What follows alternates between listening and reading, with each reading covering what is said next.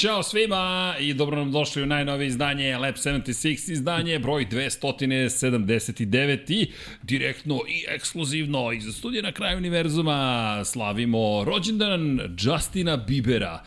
1. marta 1994. u Kanadi rođen je čuveni pevač, ja ne znam koje vrste muzike, ali u svakom slučaju poštovaci njega to, njegovi to znaju i s obzirom na tu činjenicu mi smo večeras predili jednu malenu tortu, a Gospodin Dejan Potkonjak se pridružuje, verujem, čestitkama, ali, Deki, da li si znao da deliš, Justine, da deliš rođendan sa Justinom Bieberom? Da, negde sam nabasao u jednom trenutku. ali ja ti želim da. srećan rođendan, Hvala. njemu je 29 i tebi je 39 i tako da je sve kako treba. I, Manje više. I, I ja ti želim sve od srca najlepše. Hvala, Srki. Da vozimo trku zajedno, to ti sebično želim. Nesebično ti želim da mi budeš zdrav, imaš puno slobodnog vremena, radiš stvari samo koje želiš i da bude puno para. A da bi bilo puno para, kliknite like, subscribe, share i sve ostalo, patreon.com kroz Infinity Lighthouse i naravno shop.infinitylighthouse.com ili se učlanite na naš kanal, u svakom slučaju Deki, ja ti čestitam i mnogo hvala, hvala. Ej, pre neki prevozio si pre pre dve nedelje trku, je to lep rođendanski poklon sebi pa, bio? Pa nešto sam razmišljao da u, u tom ovaj smislu da da bi moglo da se poveže. Hvala Mix i Toki još jedno. Da, Mixer je otputovo. Na sjajnoj ideji i generalno na svemu što su izneli da da vozimo. To je trku Opa, u, ovde upadaju. Nema veze. ne upadaju. Slavljeničke. Slavljeničke. Slobodno, slobodno. Ja mislim da kolegica sprode prati, prati YouTube šta se tamo zbiva, pa je upalo. Kupujete slavljeničke, kupujemo slavljeničke. Vidiš, rekli smo rođendan negde, onda je to pokupio neki mikrofon, pa je algoritam ubacio i sad idu reklame za rođendanske proslave. Ali tortu smo isekli, međutim u kuhinji je tako da nećemo baš jesti pred vama, ali deluje ukusno. Tako da, još jednom čestitam ti zaista baš, Hvala. baš lepa stvar. Tako da, eto, Justin Bieber i ti, to od bitnih stvari da se zna, to ćemo da zapamtimo i za sledeću godinu da neku prikladnu muziku pripremimo za gospodina Dejana Potkonjaka. Da li danas ima, ne, ne pitam ništa loše i uvredljivo, rekli su mi da je ove godine, moram pažnje da budem sa pitanjima o Liverpoolu, da li igrate nešto Liga šampiona, ne, ne znam, večeras, ne, bolje da ne pitam, ok, pogrešna pitanja za rođendan, ok, verovatno igrate, jel da? Ne igra. ne, ne, okej. Okay. Bo, dobro, u svakom slučaju, eto, ja ti želim, e, to će biti moja rođendanska želja. Želim ti, ako ne možete ove godine, da sledeće godine podignete kup Lige šampiona. Jel može? Hvala ti. To je pehar Hvala. Lige šampiona. E, to ja mislim da je uredno da će biti večeras da osvoje tri boda i sve. A večer ipak igrate. Mi ne igramo, ne, ne, sad ne, ja, ja da. stvarno ne igram, ne šalim se, nisam u toku. Ne, ne, pa mislim, jako je redko promašiti dan da ne igraju. Da, da, ne, dobro, to je postalo. Okay. Čekaj da vidim, ja ću sada Google da se obratim, Liverpool večeras, igrate, to nije, igrate u nedelju, nije večeras, u nedelju, igrate sa Wolvesom. Wolves, ne, Liverpool, Manchester United je sad u nedelju, a večeras je sa, a, dobro. Nisam ispratio šta se sve zbiva. Okay, sve okay. Ali dobro, želim ti pobedu, i u, pogotovo ti želim pobedu u nedelju. Neka mi ne zamire navijači Manchester United, ali ovo je čisto onako prijateljski. Ne, sad već više nema veze sa, sa timovima protiv kojih igraš, sad moraš da pobeđuješ. Dakle, Potpuno je sve. Toliko je ozbiljna situacija. Toliko je ozbiljna, da.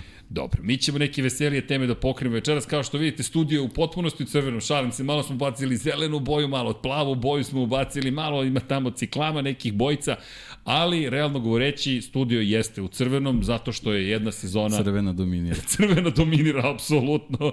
Dakle, može... A nije još ni počela sezona. A nije, pazi, ne, kad sam video prva pobeda, rekao, ok, ajde, brani čovek titul. Inače, za onih koji ne znaju, ove godine smo rekli, pratit ćemo malo više i svetski šampionat u Superbajku. I nećemo odmah da se bacimo na posao, ali samo da konstatujemo da su zaista izdominirali ovoga vikenda. Međutim, ja želim da mi izdominiramo u čemu? U jednoj trci koja je mnogo ozbiljna, a trka je za našu dragu Maju Nedić. Dakle, Molim vas još jednom po hiljaditi put i molit ću vas dokle god bude potrebno, a ja se nadam da će uspešno proći oporavak.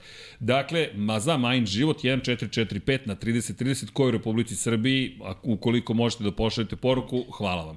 Uplate na račun dinarski, devizni, sve nam pomaže i tekako. Humanitarna fondacija Budi Human je ta preko koje se uvrši uplate. Bilo je puno ljudi koji nas je pitalo kako nama da uplate. Mnogo vam hvala na tome. Ja vam se izvinjam što mi ne možemo da preuzmemo novac. Takav je zakon da jednostavno ne možete da uplatite Infinity Lighthouse ili nama kao pojedincima. Prosto morate da uplatite na navedene račune, jer to ide u fondaciju Woody Human, koja potom sa tog namenskog računa dalje pare prosleđuje instituciju u kojoj se Maja leči. Tako da, ja vas molim za podršku, radi se o dami koja je lepša polovina, lepša polovina. To čak nije neadekvatan izraz. Partnerka našeg Nenada Milunovića, prijatelja našeg sa sport kluba Šoneta, koga znate iz komentarisanja mnogobrojnih sportova, jedan pre svega gospodin i ona kao prava dama i da nisu taman, da verujete da su ne znam koliko drugačiji u nekim stvarima, mislim da ih ne bismo poznavali za početak, ali i da je drugačija situacija, opet bijemo se za svaki život, trkamo se i želimo da pomognemo. Tako da, ko može, zaista hvala. Ukoliko neko, deki, hvala, pokazuješ mi telefon, sad ću ja to isto da uradim, još jedna porukica. Svaki put kad se setite. Tako je. 1, 4, 4, 5. Znamo da ima puno ovakvih situacija, nažalost, ali ljudi zajedno smo jači. To je sve što mogu pametno Stigne da kažem. Stigne potvrda. Tako je. To. Da, inače, ja ovako dodajem sa strane i Magdalena Matejić je 1-4-1-3. Zašto? To je dama koja, sad to nije adekvatan izraz je cimirka zapravo Majna, one se zajedno bore i bitka je protiv kancera u pitanju, tako da ukoliko ste u mogućnosti, hvala, ukoliko niste, opet kažem hvala što ste nas saslušali i što ste odvojili vreme da čujete i taj deo priče, prosto koja, koja je takva kako jeste. Bijemo se i ne predajemo se, jednostavno je dosta samim tim, ja vas eto, ja vam se zahvaljujem pre svega, ukoliko bilo šta donirate tokom emisije dok traje ova bitka, mi ćemo to sve davati maj, tako da znate bitku vodimo svi zajedno, da ne kažem trku da vodimo svi zajedno neke lepe stvari rođendani, neke stvari koje su manje lepe, ali ajmo da dobijemo tu trku pa da budu još lepše, pa da proslavimo još mnogo rođendana sa Majom, da nam Maja dođe u studiju i kaže čekajte, ljudi, dobili smo bitku, ne zaboravite roze majice, kogod da kupi u šopu, uvek idu u dobrotvorne svrhe, to je borimo se protiv kancera takođe, u tom slučaju konkretno dojke i reče upravo o toj situaciji. Tako da bitka non stop traje, ne samo u oktobru. Kada je reč o ostalim stvarima i bitkama, u februar je sada mesec u kojem počinju sezone, dakle, deki ti i ja, šalili smo se, pa dobro, trka Endurance Kupa na grobniku u februaru, nema ničega.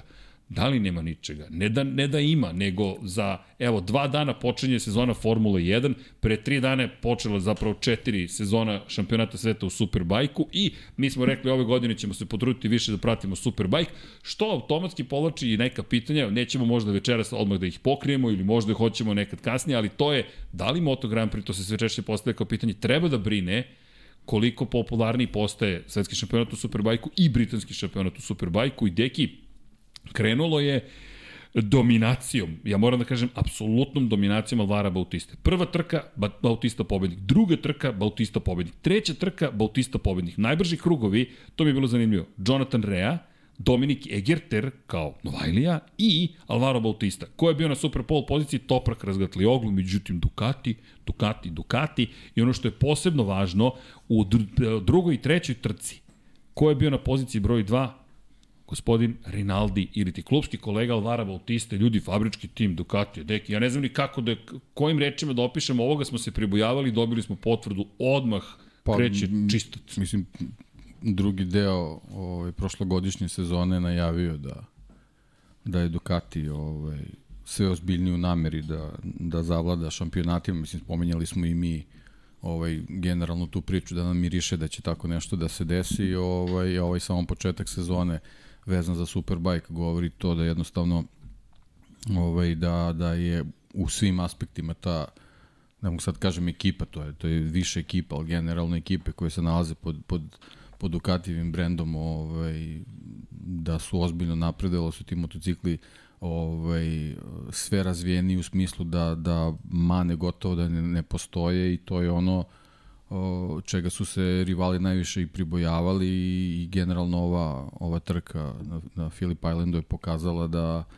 da čak više ne postoje ni vremenski uslovi u kojima ovaj, nešto može da se desi da spreči Ducatije da, da pobede, posebno kad imaš tako raspoloženog vozača kao što je Alvaro Bautista, generalno na, na izuzetno moćnom motociklu, čovek koji je onako džokejskog rasta, mislim da, da će biti jako teško da, da generalno ove sezone na trkama gde, gde je on raspoložen da neko može da mu se suprotstavi. Ja, ja ne vidim sada slabost trenutno kada pogledamo kalendar, inače samo da dodamo da je kalendar popunjen, dakle postojala jedna rupa sredinom jula i poštovanje, dobro veče, kako ste? Dobro veče.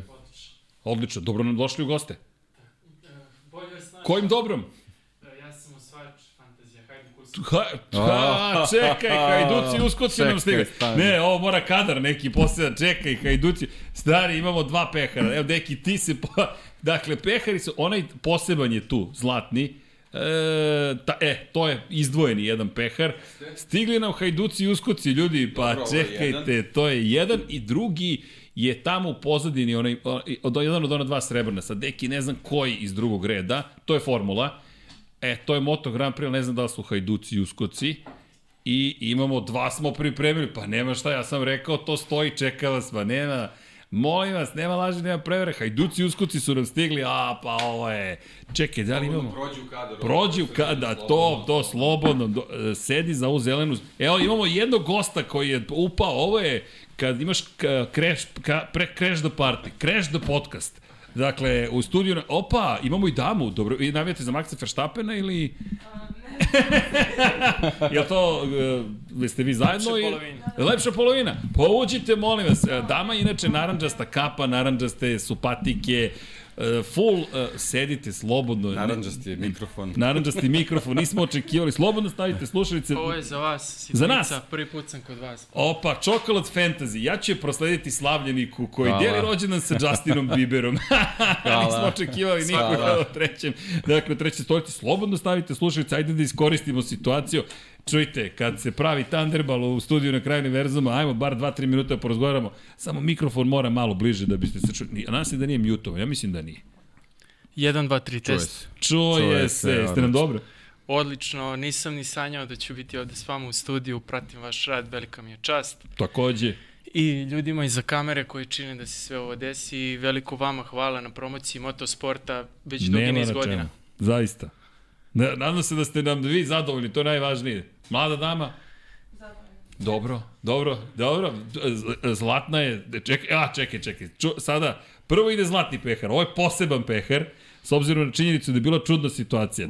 Vi ste vodili da nek možemo na ti, mi smo malo ovde do duplo stari, ja imam neka slobodna procena. E, Vodio si do poslednjeg, poslednje trke i onda je Adam upao u ligu, nemam pojma kako je to izvodljivo, i zauzeo prvu poziciju. Onda smo se dogovorili, ne, čekaj, ne može, moramo podelimo, to smo uživo dogovorili, tako da, ovo je onako nominalno, čisto da imaš dva pehara, a ovo je zlatni pehar i, i jedan poseban, čisto da su specifična situacija, tako da znaš. Hvala najlepše, ovo je jako poseban trenutak za mene. Mm. E, sezonu ušao sam sasvim slučajno u MotoGP Fantasy, inače sam veliki fanatik uh, Premier Liga Fantazija s kojim, koji igram sa prijateljima iz osnovne škole. Pozdrav za njih, Zemunelo Liga. A, pozdrav, Ova, Zemunelo. Zemunelo, okej. Okay. pozdrav. E, mogu da zamolim samo to, da Boni budu u kadru, ja da ne budem u kadru, pošto je kadar bio zapravo, pazi šta smo našli u našoj arhivi. Znaš šta je ovo? Znam. Da? Kako Re, ne bih znao? Dok je Rossi vozio za Ducati, kad smo našli ovaj Italijanski san. Italijanski san koji je bio više noćna mora i za jednog i za jedne i za da. drugi, ali je ispalo okej. Okay. E, to je zoom, ali tu su, e super, šta god da ste radili, Odlično. top. E sad malo smo stisnuti u kadru, ali ispalo dobro. I upadnete, upadneš u Fantasy MotoGP. Kolega me nagovorio, inače je znao da sam jako posveđen fantasy igricama generalno, E, Vlada Darić, veliki pozdrav za njega. Pozdrav i za Vladu. Pozdrav. E, e, dakle, vrlo sam pratio vaše emisije, imao sam dobre zaključke iz vaših reči kojih, koje vi niste primenili na dobro, fantaziju. I prosto mislim da uhvatio sam Oliveirin dobar niz na, Dekiju čoveka. na savet podkonjaka jeste. I to me, to me vinulo u top 10. Stvari su išle meni na ruku do otprilike poslednjeg, predposlednje trke. E, momak koji je bio treći e, imao je e, još jedan čip, onaj boost. Boost. I odigrao ga je na Kvantarara i Kvantararo je na toj trci pao. I ja Uf. sam se urnebesno obradovao. Iskreno. ali mu čestitam, bila je jako tesna borba i uh, nijanse su presudile. Ali moj emotivni roller coaster da kada sam proverio rezultate video sam da se Adam priključio ligi. Mi ne znamo kako je to uopšte izvodljivo. Sad, Mi, mi nemamo pojma, e, da mora da se zaključa. Ja ne znam da. gde se zaključava liga. Ljudi, ja ću da je zaključam samo kad bih znao gde se to radi, jer nikad nisam bio komesar, ove godine ću dovodim da računa ko se uključi kasnije, sorry, ne može da se uključi prosto da ne bismo imali te situacije. Možda napravimo neku potpuno otvorenu šašava liga, pa tamo nek se uključuje ko hoće, ali ovo ćemo da zaključujemo. Ako nameravaš naravno ponovo da... Moraš braniš titul. Jedva čekam. Pa to mora se braniti, imamo šampiona, čekaj, ti si nam prvi šampion koji nam je uživo, ja mislim. Velika mi je čast. I nama, verujem, i nama je zadovoljstvo, jer to je pojenta cele priče, se igramo da se družimo, nego postala je već šalas, hajduci uskuci, dajte, jel stigo pehar, stigo je pehar, pa ti nisi tu, nisam tu, kad će stići? Ne znam, za dve nedelje, ne, za tri nedelje, nemam pojma, zabranjeno mi je da letim bu, buš na bub na opna, hoćeš voziš trku, neće moći da vozim trku, ali, ali tu smo, tako da, šta da kažem, High čestitam, to je naravno. Pa kako, ne, ovo je, ovo, ovo je naša radost zapravo, ovo je najveća stvar, jer smo mi sanjali, ajmo da napravimo fantazi i onda zamisli pehare da dodelimo. A onda kad smo napravili pehare, evo još uvek stoje i nikako ljudi da dođu po pehare. Ima nekih ljudi koji nisu iz Srbije pa im je malo teže. Šejla nam živi trenutno u Velikoj Britaniji, ali Šejla, gledam te, čekamo te za Formulu 1. Šejla je bila šampion prve sezone, vice šampion druge sezone. I sad ispratio sam, ispratio sam svaka čast Hoćeš i formulu? Uh, A? Uh. Jeste sigurni? Jeste sigurni da to želite? Naravno da jesmo, ajmo da vidimo, to nam treba neko da iz MotoGP uskoči F1 iz F1 u MotoGP. Treba nam Ducati dominacije. Ducati, o, a za koga navijaš? E, za Markeza. Za Markeza. A evo stiga je novi motocikl, to nam je jedna od tema večeras. A to su boje naranđa se samo, zapravo. Samo bez emocije. Samo bez emocije. samo bez emocije, to, to. U fantaziju da. nema mesta emocije. To, to. A to, to sam ja naučio. Ali kasno. Ej, Paja je juče... Ma, rano, pre Ne znam da si stigu da ispratiš uzme McLaren u svoje redove, ja sam upozorio, ok, Paja, baš se igramo, ali sve to... Ne, molim te, pridruži se, to bi bilo zabavno. Ali isto, hajduci uskoci, da znamo da si to ti. Naravno. Strava. Uh, hvala vam. Mi bismo se sad samo ispri, ispričali, ali imamo neke obaveze malo da ispratimo svetski šampionat u Superbajku, ali biće, ja bih volao da napravimo specijal ako budemo mogli da okupimo sve fantazijaše i onda da napravimo i celu priču. I čekaj, kako da igrate fantazi? To da napravimo dobro. Slušajte Lab 76 i primenite sve savjete koje mi ne primenjujemo. Kad, kad bude neka, neka letnja pauza, pa možda napravimo presik da vidimo. Može, na kako, pola. Šta? Pozovemo ljudi, onda kažemo, ajmo kad akcija. Kad krene lepše vreme. Mo ja ću se vrlo rado odazvati. Uh, imaš Super. naše kontakte, da. tako da tu smo. Šta da, Mlada nama takođe, sad nema, nema, sad ste u automotosportu. I mnogo Veliko vam hvala što ste mi dali priliku da kažem ja koju reč i I još jednom vam veliko hvala što promovišete motosport i uživam gledajući vaše podcaste kao i cijela Lab 76 zajednica. Hvala. Hvala ti puno i hvala na iznenađenju. Nismo, da, baš je lepo iznenađenje. I, I poklon za Dekija. Da, hvala. Chocolate hvala, Fantasy. Hvala. Da, Chocolate Fantasy to za rođendan. To ćemo posjećamo čoko. da. E vidiš, Fantasy, Fantasy, da, sve smo da, shvatili. To je to, to je to. iskusno. Svaka čast. Svaka čast. Svako dobro, srećan rad. Ti si Hajduk, ti si Uskok. Hajduci i Uskoci. To je to. I ljudi, hvala vam mnogo što ste svratili. Ako hoćete, ostanite, popite, ne znam, čaj, kafu, ne možemo da vam poslužiti, vam premalo nas je trenutno, ali možete sami da se poslužite. A na svakom slučaju, uživajte, ljudi. Ako negde idete, šta vam kažem, lepo se provedite. Hvala najlepše. Nema na čemu, ljudi, uživajte samo. to je najvažnije. E, pa ovo je baš lepa stvar. slobodno, slobodno, daj meni, nije sve, samo opušteno. Ne zbori pehari. Ne zaboravi pehare, čekaj, nemoj ponovo da bude, imamo po... Trenutno nam je ostalo u studiju još 3, 5, 8, 9 pehara. Dobro. Šejlina su dva. Čekaj samo tu dok si na dobrom dok svetlu. Si, dok si to, to, to, to, to. E. to je to. Strava. Deki sad fotografiše. Super, to, to, to ide na društvene mreže. Obavezno. Hvala Obavezno. ti. Hvala ti I puno. I tagovat ćemo te. Nema da se zna, hajduci uskoci, strava. Ovo je lepa poseta. Tako da, eto, ne, nismo davno imali, čekaj, poslednji put kad im je neko upao, bili su oni momci što su šetali ulicom i rekli, mi smo bili u komšiluku, ajmo da svratimo. Tako da je bilo strava. Eto, ovo vam je studio Otvorenog srca u ulici koja se inače zove ulica Otvorenog srca. Da, inače Svetogorska u Beogradu, Broj 46. Broj 46, a to, to, to pitaju Rosijevci, a je to planski? Ne, nije planski, kako smo planski mogli da nađemo u broju 46 prostor za studio? Ali to je sve okej. Okay. Inače, bili smo u 39 ranije, pa smo se onda rekli, e, vidiš, i invertni Marquez, nije 93, nego je 39, ali zapravo Luis Salom. Ljudi, uživajte i lep provod, hvala, hvala puno za, za, za posetu. Hvala. Igramo se, vidimo se u fantaziju. Kontaktiramo. Da, i, i ovako, naravno. A, samo znaš, počinje sad već za, za četiri dana kreće prva trka Formula 1. Liga je otvorena, tako da čekamo te. Takođe. Hvala Vidimo puno. se. Svako Pozdrav. dobro. Ćao. E, pa ovo je baš bilo lepo. Dakle, pričao sam se zbunio, rekao, šta sad, devet, niko nije došao u šop u pola deset, koliko je već sati, ali rekao, ajde, ali divni ljudi, da, ovo je mnogo lepo bilo.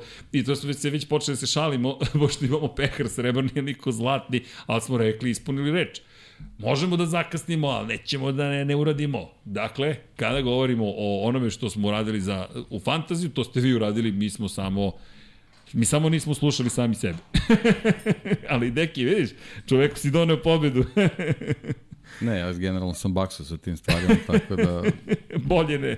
bolje da se ja ne mešam u to. A Ali i drago da. mi je ovako ljudi kad, kad, Kako kad čujem da nije? su poslušali kao, kao da sam ja. Da, bukvalno, Osvojio. to ti naj, mislim da je to lepše zapravo.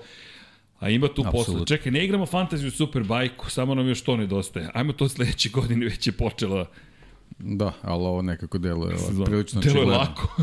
Delo je lako, samo izaberite Ducati i njihov fabrički Četiri tim. Ducati u pet motocikala. Ne, ovo je bilo izveštaj sa trke gotovo na nivou besmislenosti. U prvoj trci je bilo super zabavno iz perspektive toga što imaš Bautistu, pa Johnny Areu do Jonathan Rea na Kawasaki, ostao je na Kawasaki i Toprak Razgatljogo ostao je na Yamahi. To su ta tri vozača od kojih najviše očekujemo.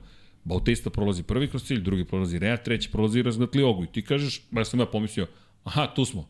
Idemo ponovo u taj ciklus, međutim, druga trka Bautista i dalje prvi, drugi je Rinaldi sada, treći je razgatli oglu, pa kažeš, ok, tu je razgatli oglu, međutim, Johnny na sedmoj poziciji, četvrti je bio Lowe's, dakle, Alex Lowe's je bio na Kawasaki, inače dva odustajanja za Lowesa, i dolazi treća trka i ti kažeš, ja sam već rekao, ok, ovo, ovo sada već nema smisla, pogotovo što je najbolja Maha zapravo bio Andrea Locatelli. I Andrea Locatelli koji je na trećem mestu, razgatli oglu nije završio trku, i tu sad već nastaju problemi. Pa generalno što se tiče Yamahe i Ducati nekako kao da imam preslikanu sliku iz Moto Grand Prix. Tako da izgleda. očigledno sve te situacije uopšte nisu slučajne.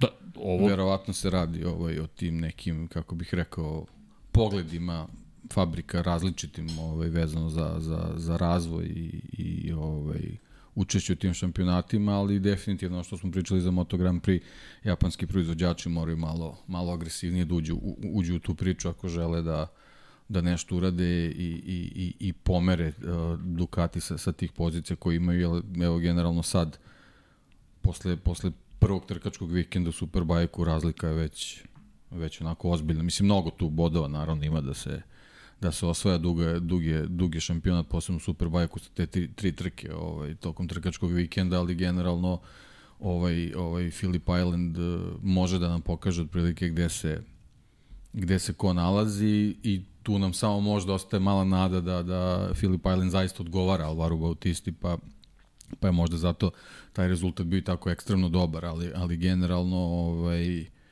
ako je, ako je to, ako to u stvari nije slika vezana samo za, za, za jednu trku, onda možda može da nas očekuje do, dominacija, poput dominacije Johnny Re na Kawasaki dok mu nisu oduzeli tih, tih 500 obrata. To je sad, mislim, još jedna Tako posebna je. priča, mislim, generalno vidimo da, da, da, da, da, da Kawasaki i dalje ovaj, uh, ima tu ne znam kako bi to rekao, zabranu, mislim, ne, ne znam ovaj, ovaj kako, Hendikep. Kako, hendikep, ne znam kako to da nazovemo, opet s druge strane u Ducatiju se hvale kako su ovom motoru ovaj, uspeli da dobiju neke nove konjske snage, ne znam, mislim, je generalno ovaj, to bi trebalo da stoji pod lupom i da, da se nadamo da će u nekom trenutku i Kawasaki ovaj, moći ponovo da se otključa i da, da dobiju neke zanimljive trke, ali ovako ako se nastavi priča posebno ova situacija gde i na suvom i na, i na, i na vlažnoj stazi ovaj, jednostavno niko ne može da im priđe posebno Alvaro, Alvaro Bautisti mislim da ćemo ovaj prisustovati ove godine situaciji da ćemo da, da gledamo da li se obore neki novi rekordi. Pa već je oborio jedan da. Rekord. Ovo je peti put da je ostvario trostruku da. Pobedu i u ovom momentu je najuspešniji Da, vozač i po tom mislim, pitanju. mislim da je posle, ako sam dobro čitao, posle 20 i nešto godina Ducati prvi put pobedio i u Supersportu i u Superbajku. E to Da, tako ne, ne, nešto Nisam mi je, 100% da, da, siguran, ali mislim da- ja, nešto mi je to samo promaklo, nisam ovaj, Što se- da, tako da, da svašta se tu nešto dešava još ako imamo i, i Moto Grand Prix, ako imamo i, i ovaj Moto E šampiona gde će, gde će sigurno da bude šampion na Ducatiju, ovaj, to stvarno, stvarno vuče ka, ka jednoj ozbiljnoj dominaciji. Da, inače, imao je ono što je tu poseban problem posle ove trke, dve stvari. Ajmo da pričamo o, ajmo ovako, Alvaro Bautista je rekao, ovo može da se nazove sada staza Australija, pošto ovo je osma njegova pobjeda na, na ostrovu Filip i, zaista je u pitanju potpuna dominacija. Apsolutno nema, nemamo o čemu da, da pričamo u suštini. E sad, ono što, kada spominjemo, o, kada spominjemo problem sa kojim se suočava zapravo Kawasaki. Kawasaki je nezadovoljan činjenicom da se performanse ograničavaju i ono što je činjenica da imaju 600 zapravo obrtaja manje, problem leži u toj, to, to, hajde da kažemo, u dominaciji. U kontekstu toga da su oni imali takve rezultate, da je rečeno, e, znate šta, mi moramo sada da vas ograničimo da bi bilo izjednačenije. Ja ne vidim sada više potrebu kako ćemo... Pa ne, posledno posle prošle sezone to je krenulo sa već, 600. Već je jedna, jedna sezona ovaj, prošla pod tim ograničenjima, stvarno ne vidimo ovaj, razlog da se neko na taj način sputao, posebno što, što se vidi uh, ozbiljan napredak kod drugih ekipa. Tako da, ovaj, mislim da sad već tu više nema, nema mesta, mislim neću sad da, da, da neko pomisli da ne znam, navijamo za Kawasaki ili, ili za Johnny-a ili, ili Aleksa, potpuno je sve jedno. Evo, generalno je priča, priča o nekom šampionatu gde bi generalno svi trebali da budu što izjednačeni u, u smislu u, u smislu svojih nastupa jednostavno da, da, da se ne ograničava na taj način ovaj takmičenje. Sad pošto smo dobili već na prvoj trci da, da, da gotovo svi takmičari do Katiju su ozbiljno brzi to je već stvar da, da neko možda stavi prst na čelo i da, da ovaj razmisli o tome u koju, u koju situaciju su doveli pre svega Kawasaki. Da, inače, 2021. su išli na 15.100 obrtaja, pa su ih spustili na 14.600, 14.100 je bilo pre 5 godina, to su blago povećavali. 2019. se desila čuvena, možemo reći, i afera, da, to je afera, posle 9 pobeda uzastopnih Alvara Bautista, oduzeli su 250 obrtaja Ducatiju i od tog momenta se sezona u potpunosti promenila, uspeo da, da, da zapravo dođe do još jedne titule Jonathan Rea, to je bila njegova peta 2026. To je svoj 21. šampion bio razgatli oglu i 22. smo došli u situaciju zapravo da imamo Bautistu na vrhu sveta i to je prvi šampion od 2011. to smo pričali od Carlosa Čeke. Zaista su dugo čekali. Još dvostruka titula, to ono što smo spomenjali. Madonna di Campillo. Bautista je bio tu, nije privlačio najviše pažnje. Naravno da je najviše privlačio pažnje privlačio šampion Moto Grand Prix-a, Francesco Banjaja, tu je majica njegova, tu je Bautistina majica, imamo Valentinov Dux, dakle Rosijev Dux iz vremena kada je vozio to isto 2011. 10, ali činjenice da da ni Rea ni Kawasaki ne traže da bude kažnjen Ducati ovoga puta već da im vrate 500 tako je, tako je. Ili, ili da, ne znam, nekim pravilom kao što ono, kako već ima možda više od 10 godina u Formuli 1, jednostavno da se dođe do, do staviti neki maksimalni broj obrtaja i nek se svako snalazi i, i nek razvija svoje motore prema, prema tim ograničenjima, ali da to bude jednostavno ograničenje za sve isto i da, da onda u stvari vidimo ko, ko najbolje vlada tim tehnologijama i tim razvojima. Ovako, kad, kad, kad prave te situacije, malo, malo teže postaje i, i da se generalno prati slika, a i, a i pomalo može da se desi da, da se neki deo publike i, i odbije zbog toga. Generalno stvarno nema razloga, jer, jer Superbike definitivno kreće u svoj novi, novi uzlet i stvarno bi bilo super da, da, da ovaj, nemamo i tu neke priče koje su vezane za zeleni sto, nego da jednostavno sve što se dešava na stazi da, da, da, da, da, da se do maksimuma tu koristi i mislim da je to samo generalno plus za čitav šampionat. Pa, apropo priče o, o, o prednostima za šampionat, ono što sada, kao što se lepo rekao, vidimo jeste očigledan uspon Superbajka. Zašto sada uvodiš i kompleksnost za praćanje, zašto komplikuješ stvari, neka se sve rešava na stazi, pa da vidimo tu ko je najbolji. Imaš legendu Reu, Kawasaki. Dakle, imaš jednu ekipu. Imaš drugu ekipu, Razgatli Ogla, koju ima legendarni status iz perspektive toga što je prvi turski šampion, to je momak iz Turske koji dolazi, koji je svoj titulu šampiona sveta. Imaš Yamahinog šampiona koji je prvi od Bena Spiza, koji je 2009. Ne samo to, ima, imaš čoveka konačno Superbajku gde, gde veliki broj ljudi u zajednici poželeo da ga vidi u Moto Grand Prix. To se, to se dugo nije desilo na taj način, ovaj, na, na toj relaciji Superbike Moto Grand Prix. Nije, gde, fakat. Gde nismo velika, imali toliko zahteva. Velika većina ljudi koji, koji pričala o tome uverena da bi on uspeo u Moto Grand Prix. Tako da to je to su neki vozači koji trebaš da neguješ i da da ovaj da im, da, da, da im daš maksimalnu priliku da se iskažu u, u tom šampionatu, pre svega zato što je to dobro za šampionat. Naravno da je dobro i za njih i za, i za njihove ekipe, ali to je, to je dobro i za šampionat. Ovo bi bilo zapravo, a, kada, ajde sad, pričamo o kombinacijama, ovo bi zapravo bilo savršeno u kontekstu toga da ti imaš spojene, spojene šampionate, i na jednu i na drugu stranu. I lepo si rekao, Moto Grand Prix postaje prijanica, ali uz želju da vidimo razgatli oglua, nije da Superbike biva pocenjen, naprotiv, već imamo šampionat koji, evo, i pričat ćemo i o tome, dotaći ćemo se, imali smo priliku da vidimo i neke ljude koji su otišli iz Moto Grand Prix, konkretno, bukvalno, pričamo o Remiju Gardneru, Remi Gardner koji nije baš imao najsrećniju trku, dakle, što je najgore od svega, doveo do toga da je oporio klubsku kolegu. Zapravo, on je Dominika Egertera izbacio sa staze i umesto da završe među vodećoj petorici, među, među vodećom petorkom za GRT Yamahu, greška i rekao je komplek, komplikovan vikend, ne samo kada je reče u trci i odavno nisam nekoga izbacio sa staze. Ali videli smo da su jedan i drugi brzi već Bili sada. Bili su brzi, kod Remija definitivno želje i postoje, ali samim tim što je na svojoj stazi, ali mislim da je da je pre svega želja bila zbog toga da, da, da jednostavno tu neku, neku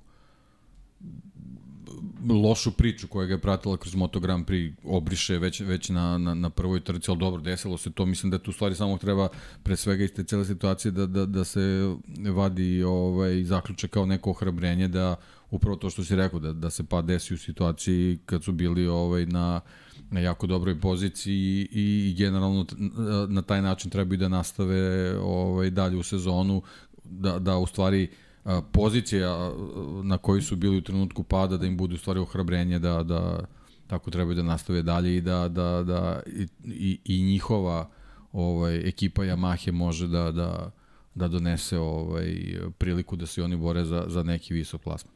A inače, apropo priče o trkanju i ljudima iz Moto Grand Prix, kolika razlika, Danilo Petrući koji se takođe pojavio na stazi, imao zanimljivu izjavu, rekao je da mora da se probudi, da je morao da se razbudi i probudi u Superpol trci, Rekao je, to je toliko agresivno trkanje. Da. Kaže, bukvalno su mi zalupili vrata u lice i nisam očekivao da će to toliko žestoko biti. Pa, znaš kako, ako, ako poredimo sa, sa četiri točka, znači Moto Grand Prix, ako je Moto Grand Prix Formula 1 Superbike, ti je neki Gran Turismo šampionat ili generalno šampionat turističkih automobila gde, gde ono, kako kažu, raširiš laktove i i nema, boriš se za svoju poziciju. On se, on se verovatno dugo nije, nije trkao na taj način i kad, kad su se da. svi šatili, sjurili oko njega, gde, gde su razlike, posebno na, na, na tom startu, ovaj, prilično ovaj, male i, i generalno potpuno je drugačija filozofija trkanja od, od Moto Grand Prix-a. Verovatno je jako teško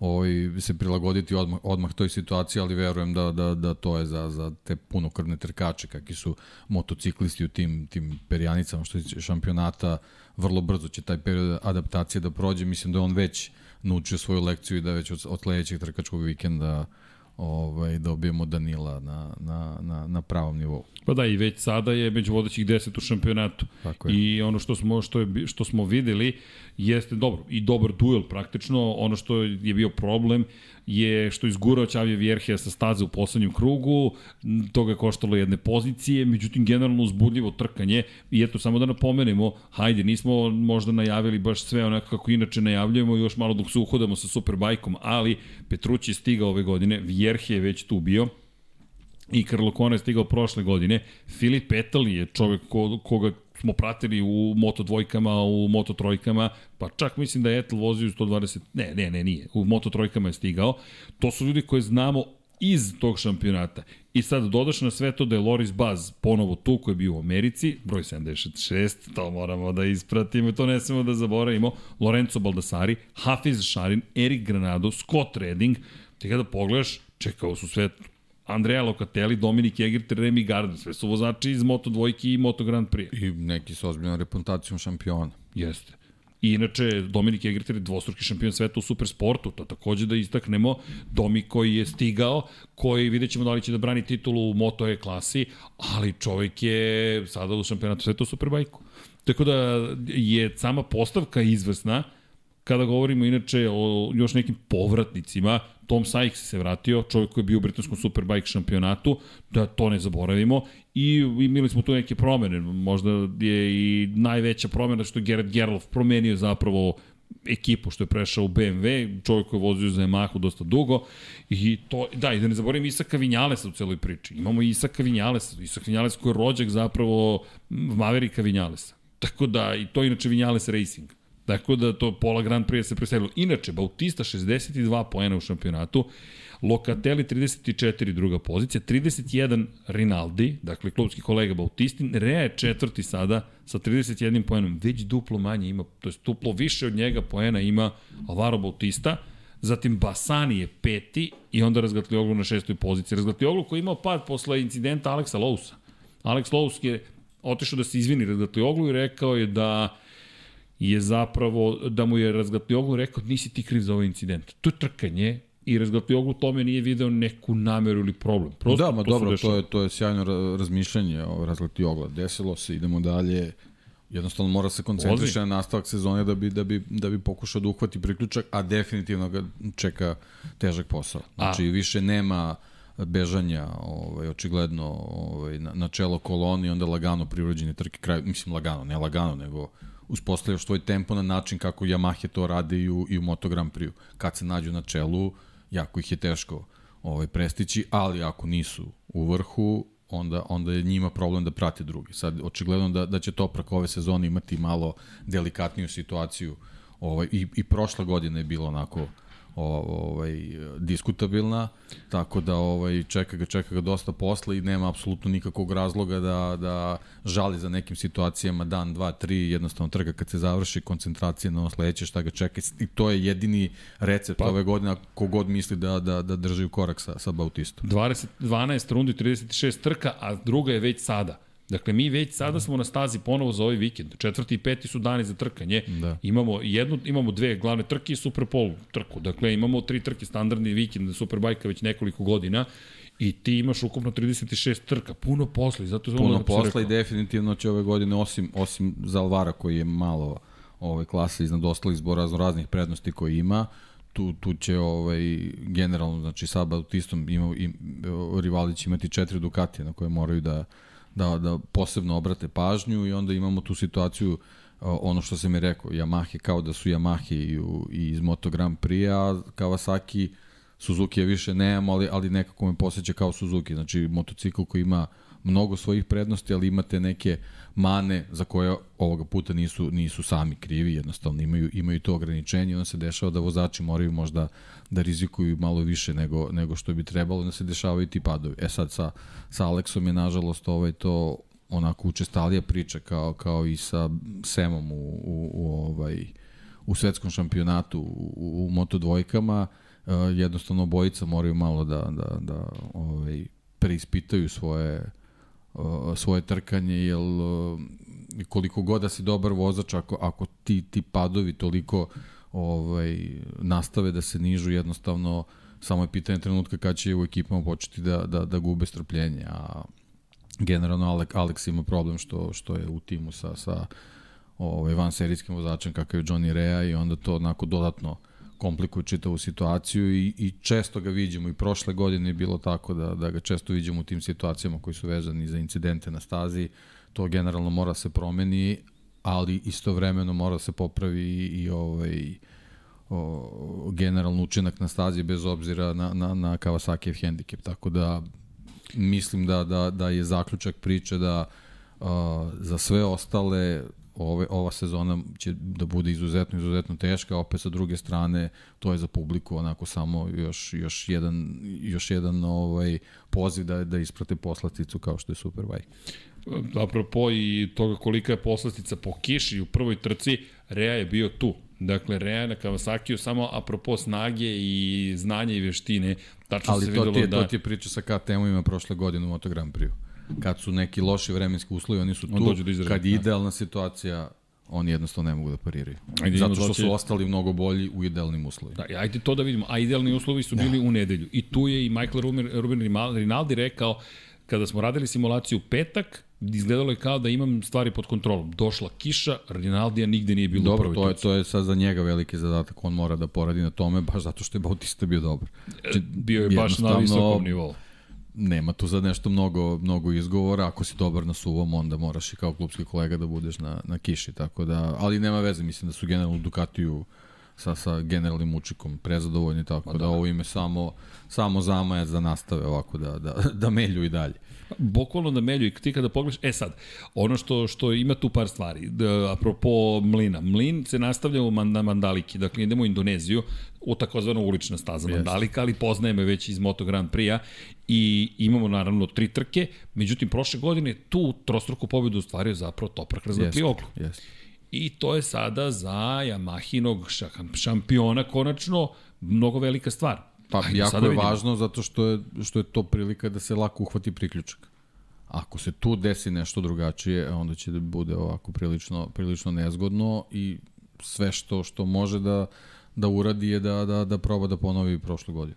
Inače, Rea se žalio na nedostatak prijanjanja u, u nedelju i rekao da pomalo je zbunjujuća situacija, čuvao je gume, koristio kraće linije, ranije podizao motocikl, pokušavao da ne dođe uopšte do kontrole proklizavanja, dakle sve je bilo u njegovim rukama, međutim jednostavno to, toga nije bilo pre nekoliko meseci, sada imaju problem sa tim, apropo toga da i na njima sada da unaprede ceo motocikl, da li čeka posao apsolutno i ono što je važno, rekao je ok, ostrovo Filip nekako. Inače, prošle godine u prvoj trci je Rea zabeležio pobedu posle 24 trke bez pobede. To je bio njegov najduži niz bez triumfa u Superbajku, 25. trka pobeda. Teška godina prošle sezone, ove godine to ne mogu sebi da priuštem, baš moraju da budu mnogo brži, tako da meni, ja da čekam Mandaliko. E sad, ima još par stvari me, moj utisak posle Superbajka i konačno i pa sada ove priče koje imamo oko Superbajka, do nekle se dotiče i Moto Grand Prix. Ne, gledao sam kako da pristupimo analizi u smislu, ajde da pogledamo krugove. Kada imaš tri trke, ti, ja, ja deki ne, ne vidim kako možemo da analiziramo kao što Moto Grand Prix trke smo analizirali ne, do sada. Ne, posebno što smo ovdje imali situaciju, imali smo trku po kiši, po suvom i sprint. To su potpuno tri različite tri profila. Trke. Da. Ali to je ono što je zabrinjavajuće. U tri različita profila, na tri razli, različite tipa staze, jedan vozač je dominirao. Evo ga. E, jedan da. vozač i jedan motocikl. Ali Tako ne je. samo motocikl. Da. Jer nije, da budemo vrlo jasni, Rinaldi sve to okej, okay, ali pokazalo se po kiši da, da moraš da budeš vozač. Inače, da. Bautista je veoma lak zapravo fizički, on je 56 da. kg. Pa to je, to je taj moment koji su svi počeli sve više i više da, da, da, da spominju, kada je Johnny Rea to prvi put spomenuo, prilično su ga napali, jer su tu njegovu priču shvatili kao neki alibi, međutim ovaj stvarno se ovaj pokazuje vremenom da sad već počinje možda da se pravi da kažemo ta to ipak onako nelojalna ovaj konkurencija vezana za, za, za, za nastup Alvara Bautista ako taj odnos mase i, i snage motocikla postaje sve sve ovaj izraženiji onda ovaj ne znam, mislim, možda bi tu trebalo da, da se tu dovedu opet uh, neka ograničenja za koje ja generalno nisam, ali, ali ako, ako su drugi ograničeni na, na razno razne načine, onda, onda stvarno mora se vodi, vodi malo računa i o, i o samom pa, takmičenju. Ajmo ovako. Ducati ove godine ima 16.100 obrtaja. Honda ima 15.600, BMW ima 15.500, Yamaha ima 14.950. Kawasaki ima 14.600 najmanje od svih Pri čemu, šta, zašto je to uvedeno Kawasakiju?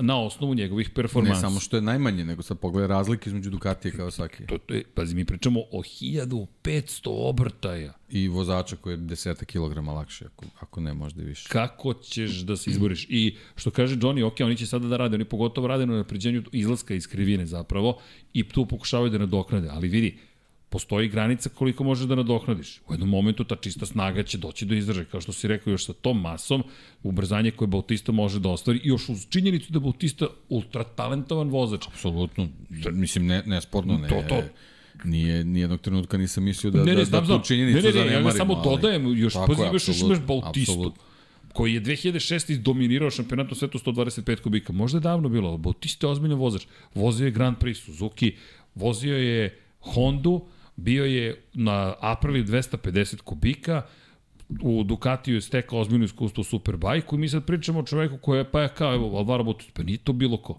Možda nije uspeo da, ne možda, nije uspeo da ostvari što žele u Moto Prix. To i dalje jedan je verovatan vozač. I sad ti na sve tomu daš sve ovo.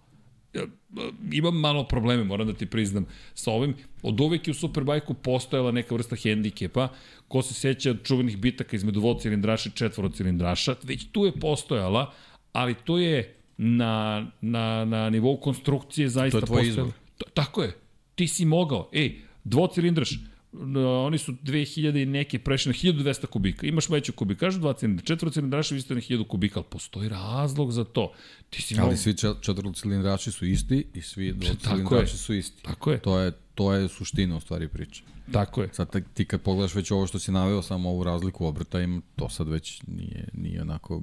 Pa Nisu iste klase. Nije, ne. nije to nije ono što nam treba. Da. Ja razumem da to nisu prototipi, da to jeste super bike, ali opet ovo... A baš zato što je super bike, treba da bude izinačeni u tim nekim, nekim propisima. Pa, baš zato što su, što su maltene i, i serijskih motocikala izvučeni. Baš je problematično. Meni je makar problematično, ali okej, okay, eto, to je neka odluka koju su donali organizatori. Znaš kako, mislim, generalno da podvučemo o priču, meni je jako drago što su fabrike počele ozbiljno da, da se takmiču u Superbajku to. Za, za dominaciju, to mi je onako posebno drago, a, a druga, druga činjenica je da imamo ovoliko dobrih vozača za koji su i neki koji ne prate toliko moto, motociklizam čuli i ovaj, drago mi je što se ti vozači opredelili da, da ili nastave svoju karijeru ili da pokuša da naprave neki novi zaokret upravo u Superbike. Generalno svako od njih ima motivaciju da to bude dobar i to je opet onako globalno kad se pogleda publika, videli smo koliko ih je bilo na, na Philip Islandu, tako da nema šta, to je, ovaj, to je, to je najbolji put za, za povratak Superbajka tamo gde je generalno i, i zaslužuje da bude. Pa Jer meni, meni su trke Superbajka bez obzira Amerika, Britanija, svetski Superbajk šampionat, to su mi onako nekako, kako bih rekao, trke iz, iz osnova, iz korena. To je ono što, što u stvari nam, nam treba da bi se ta, ta generalno slika o, o, motociklističkim takmičenjima onako formirala kako treba dok, dok ne, ne dobijemo onako pravo sito vezano za, za svetski šampionat. E, kako bi ti preveo grassroots? To se uvek nekako grassroots, nije ovo grassroots, da. da se razumemo. Ali ja mislim da je, ako te dobro razumem, da zapravo govoriš o tom jednom osjećaju neke osnove zapravo, jer grassroots je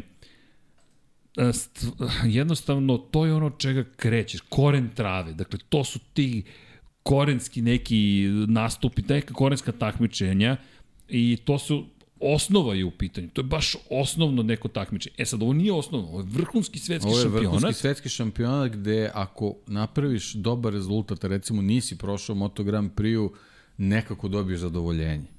To je, to je ta neka magija Superbike. Yes. Ti ako si svetski šampion u Superbajku, kao recimo imali smo Johnny Reu koji je jedan trenutku izjavio, pa nemam sad više potrebu da, da, da idem u Moto Ej, Grand Prix. pokazao sam. Znaš, kao, Znaš, neko to osporava to je, to je u stvari ta magija Superbike. To, to, jel neko osporava Rain talent? Pa teško. Drugo, trkanje je. je dosta, je, znaš kako znaš šta mene to vuče? Nije NASCAR, jer je NASCAR ipak drugačiji, ali ima više tog, čekaj, idemo, kon, ne želim da se ljudi toliko, da me ne znate pogrešno, kontakt je, mora bude oprezan, ali postoji ta doza i jednog odnosa između njih koje je ne, ne manje profesionalna, ali manje formalna. Više su nekako ljudskije gotovo to izgleda i meni se to od, od, od, dopadalo u Superbajku. Činjenica, možda sam malo starom da meni su dve trke bile taman, tri su mi, malo mi onako mnogo, ali okej, okay. to, me, to me zbunilo kad su uveli treću trku, mi sam okej, okay, mnogo je, ali dobro, dobili smo zabavu. Međutim, dve trke, kada god pogledaš kroz istoriju Superbajka, koliko je bilo uzbudljivo kad dođe dobra jedna sezona, kad se poklope, koga god da izvučeš iz istorije, bit će zabavno. I naravno, za Ducati, istorija je i počela, možemo reći, savremena kroz Superbike šampiona sveta, Ducati je od slave koji imao 70-ih počeo da nestaje, u dvotaktnim motorima ih nije bilo, njih bilo u šampionatu sveta, Grand Prix trkanju ih nije bilo, i onda se pojavlja Superbike kao spas. Jeste Merkel osvojio prve dve titule za Hondu, ali onda kreće neka nova priča, nova pesma za Ducati, tako da Ducati ovo jeste važno, ali eto, 11 godina nije imao šampiona. I, ajde, da vidimo malo sad BMW, da vidimo Kawasaki, da se uključi Honda u tu celu priču, potrebno nam je, dolazimo i do Honda i RC 213V. Prošle nedelje, da, izvinjam se što nas nije bilo, nismo mogli ljudi da postignemo, dakle, baš smo se potrudili, ne zamerite, nije bilo toliko događanja. Ako pogledate najnovije vesti na Moto Grand Prix-u, to od, 14, pre 14-16 dana i onda smo sebi dali ok, malo lufta, jeste se pojavila Honda i to smo hteli da uradimo, ali dok sam ja stigao u Evropu, bio u Parizu ceo utorak, ne, nisam bio, bio u Parizu, da se razumemo, bio sam u holu aerodroma Charles de Gaulle, dakle Pariz video, nisam jedno 50 km od Pariza sam bio, samo čekao na aerodromu, ali smo rekli, ok, ajmo sledeće nedelje, zašto imali smo mnogo toga? Prvo imali smo da pričamo o Formuli 1. Drugo, garaža 76 se desila. Zatim imali smo testiranje Formule 1 sa Hasanom Bratićem, imali jedan predivan podcast, makar je meni bilo zaista zadovoljstvo da pratimo. I onda, povrh svega toga, smo imali 99 yardi i sve ostalo što se radi u studiju, kako, kako ćemo se da postavimo, nemam pojma, da smo deke rekli, ajmo sledeće srede, inače imate pozdrav od Zvezdice Jelene Trajković, koja je večeras, ja mislim, nekoj utakmici, ali je bio lep podcast pre, pre dve nedelje, baš smo se lepo ču, ispričali, jedan neko rekli, ej, čuvam decu, imam pola sata, deki, dva sata smo pričali, naravno. Ali, da se mi vratimo onome što smo rekli, dakle, čekamo Hondu i čekamo Hondu gde? Ne znam da li ovaj video koji ćemo pustiti ima zvuk, ja mislim da ga nema, ali evo, bacite vi pogled kako vam izgleda zapravo nova Honda RC 213V. Za, ima zvuk, uživajte. Mark Marquez, John Mir.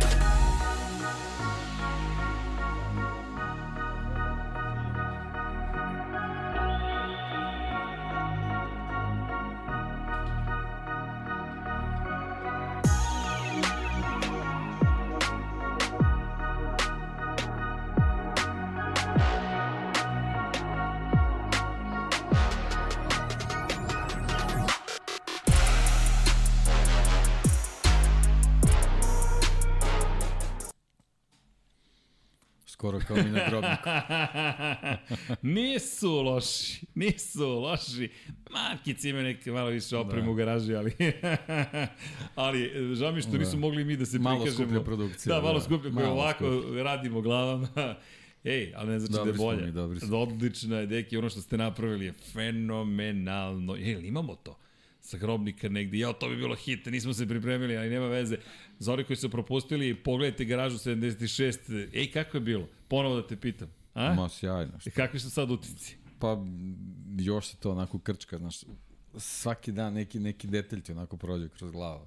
Super je stvarno, ovaj, ovaj, mnogo lepo iskustvo, pre svega zato što eto, dva, tri dana imaš, imaš priliku da, da živiš taj trkački život na, na, na, na, na taj neki drugi način, te neke druge perspektive, bez obzira koji je automobil u pitanju, stvarno, stvarno je to onako, ovaj, ne mogu sad kažem nebitno, ali, ali generalno nije, ovaj, nije, nije, nije samo vozilo u, u, u prvom planu, nego taj, taj osjećaj kad sedneš u kokpit i kad kreneš da, da, da, da ostvaruješ ono što ste to, se to. dogovorili. To je, to, to je u stvari taj, taj pravi doživlje. U ritmu sam, znaš, ove muzike, Honda i ceo fazan i razmišljam i po, razmišljam o, o, o tvom trkanju i tome koliko je to dobro. To je nova dimenzija. Neke nove stvari su se desile. Lepo je počela godina. Apsolutno, apsolutno. Ba, baš je dobro imamo, šalili smo se, stavili smo podcast i, i izduvnu granu, rekao, i Paja gleda, rekao, to je Dekijev poklon za studio.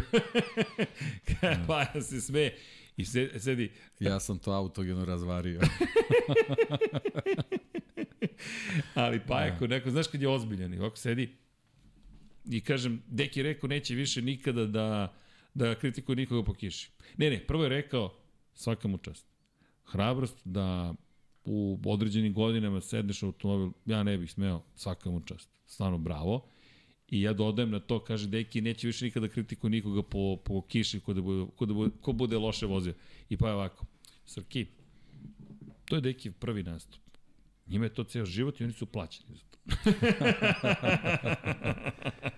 Rekao, ok, pa nema. Ne, ne, ne to je jednostavno, to sam pre svega mislio iz te perspektive da ovaj, stvarno po kiši nema, nema mesta za improvizaciju. Koliko god to, koliko god to čudno zvučalo.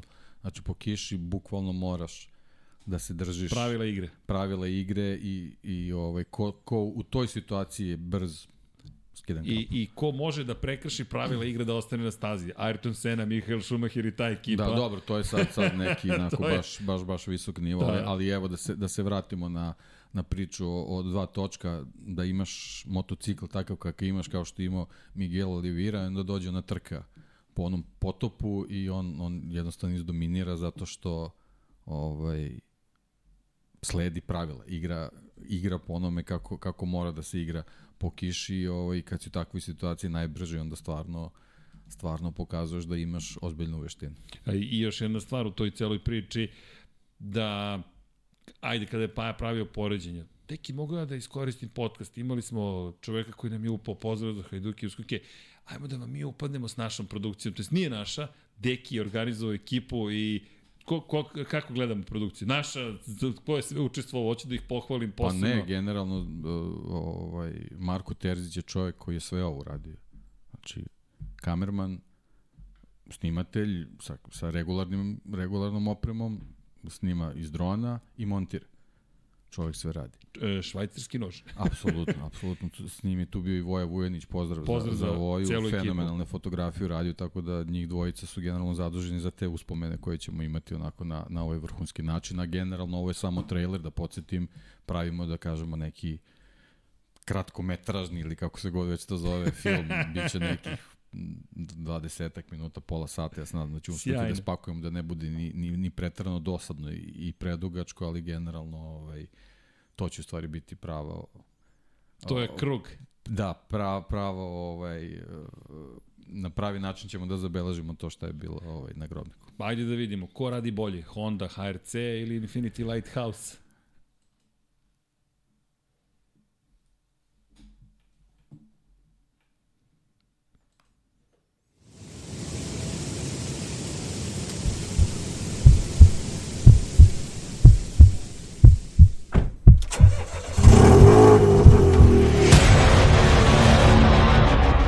Posle ovoga da reč nikome ništa, znaš ono kao loše je vozio. Da, da.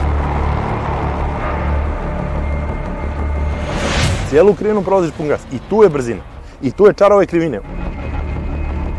Moraš da osjećaš. Telo ti bude senzor ogrom.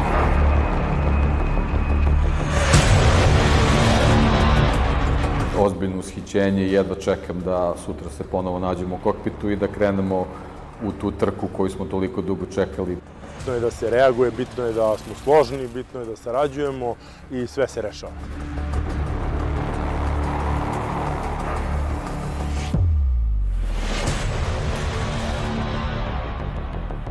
Na kiši se poznaja tehnika, znači na kiši se odvajaju vozači od znači, mora nešto, mora manekena.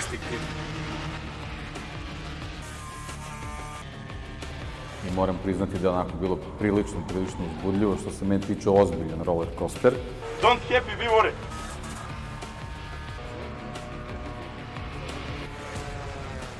Izletanja, vraćanja sa staze, pravi rock and roll, Daytona, bukvalno.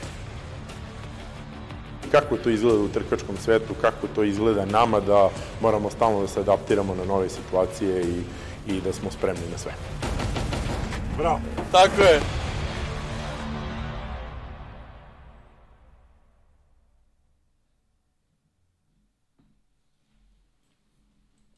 Nije loš.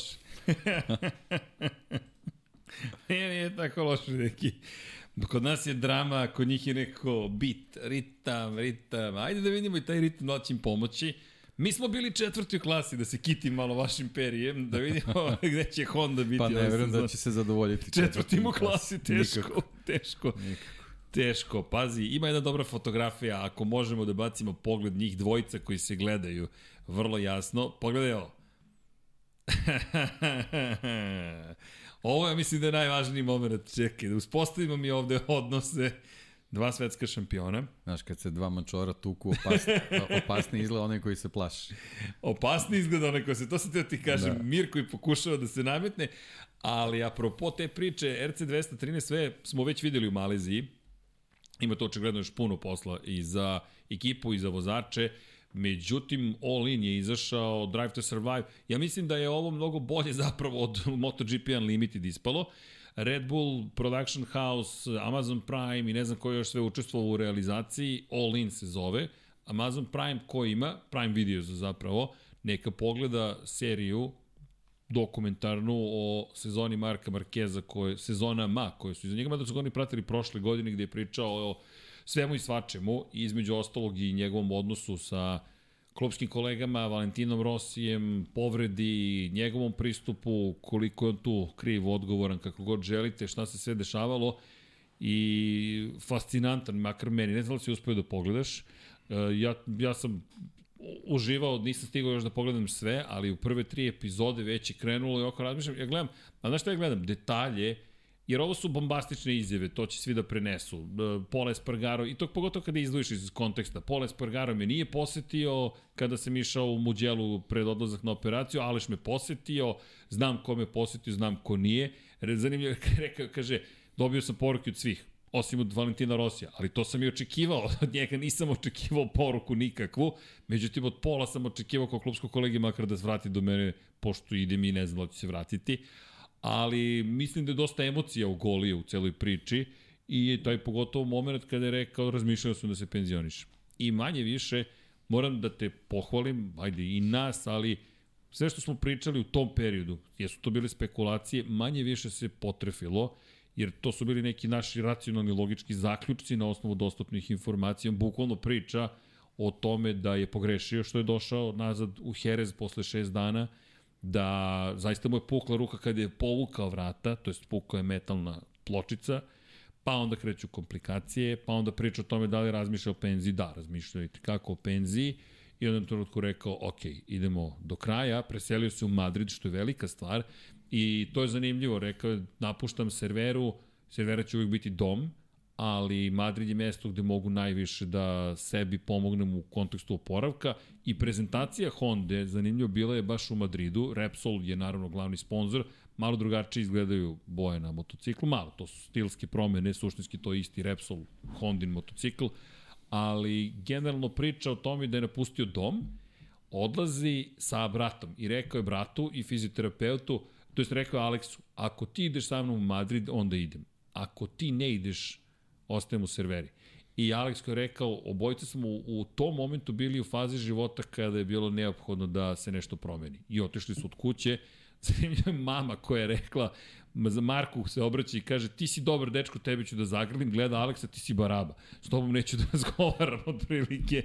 Ti se razmišljaš, da li je realno da je Alex Marquez baraba u, u nekom civilnom životu, ali kao, ok, vidjet ćemo. Pa kad svi vole Raymonda. Neki u raspoloženju, to. A, ne, ne, ali mislim generalno vidimo Raymond je baš ovaj krenuo ovaj sa ozbiljnom marketinškom kampanjom. Ja ja yes. nisam primetio da bilo koji drugi vozač ne, u Moto Grand Prix u, u, u poslednjih mesec dana se toliko eksponira kao Mark Marquez. Ovo, opazi, ali ovo je plan koji traje duže absolutno, od mesec dana. Absolutno. Deki, ovo je pisano negde 2021. Jer ti da bi snimao sve ovo 2022. cele godine, ti moraš to da izbudžetiraš najkasnije u septembru U trenutku kad je shvatio da se neće penzionisati, to. sledećeg dana je počela priprema za ovo što što već imamo. Da, da, da. I svi vole Raymonda, kakav, ne, genijalno. Ko nije pogledao seriju, neka pogleda, bit će mu jasna reference koju Deki upravo izbacio, ali za one koji eventualno nisu pa nisam ja, njihova mama je to ispotencirala. ali da, svi vole Raymonda, pogledajte seriju i da, u seriji, jel te, svi vole Raymonda, zaista ima i svog brata koga manje vole nego Raymonda. Ali, koji uvijek da, ispadne baraba. koji uvijek ispadne baraba. Ali Raymond, da, dovi nadimak za Marka Markeza. Ne zamerite navijači Marka Markeza, zaista nije nikako ni podaštavanje. Apsolutno ne, naravno. To je komedija i to je... Raymond, zašto Raymond, ako te ja dobro čitam, nadam se da mi glavica radi i da sam dovoljno bister u ovom trenutku i da se dovoljno poznajemo, ali suštinski je reč o tome da je zapravo Mark Marquez krenuo ono što je Deki rekao marketing. I marketing je postavljen, jer kao što si rekao, Fabio Quartararo kao nekadašnji šampion nema ništa slično ovome, John Mir tek nema ništa slično no, oni su druga generacija, oni uopšte ne razmišljaju očigledno na takav način. Ne. Peko Banjaja. Ne, nema. Nema. Kad ste si išli s planine, to je to. To je to, to je, ne, po peku nema više ničega od kad smo svi išli s planine, bukvalno jeti su se spustili u dolinu. Više ste ti u medijima bio nego on. Evo, bukvalno ako isto. Preko Zuma, preko ko, Zuma. Preko Zuma, ono, preko Zuma. On je preko Zuma, nije bio. e, ali to jeste činjenica, pri čemu zaboravljaju bitan moment, to su Coca-Cola, to je Coca-Cola davno postavila na, na Zapravo, Procter Gamble i Coca-Cola, to su kompanije koje su postavile osnove savremenog marketinga. Jedan od postulata Coca-Colinih je sve prisutnost. Dakle, vi od Coca-Cola ne možete pobeći, bukvalno. Pa da, ali vidiš kakva je ovde situacija, Ducati je sve prisutan, e? ali nemaju potrebu da njihovi vozače budu. E, ali to je greška. To je greška, jer ti na kraju dana vezuješ se za ljude. Koliko god se vezu za mašinu, Tako je. ima puno Ducatijevaca, pozdrav svima. I to će Enea da iskoristi. Enea koji je rekao, ej, ako budi dobri odnosi, budu, ako ne, rat. U redu je. De, ali on, e, on, on nastavlja da šalje poruke.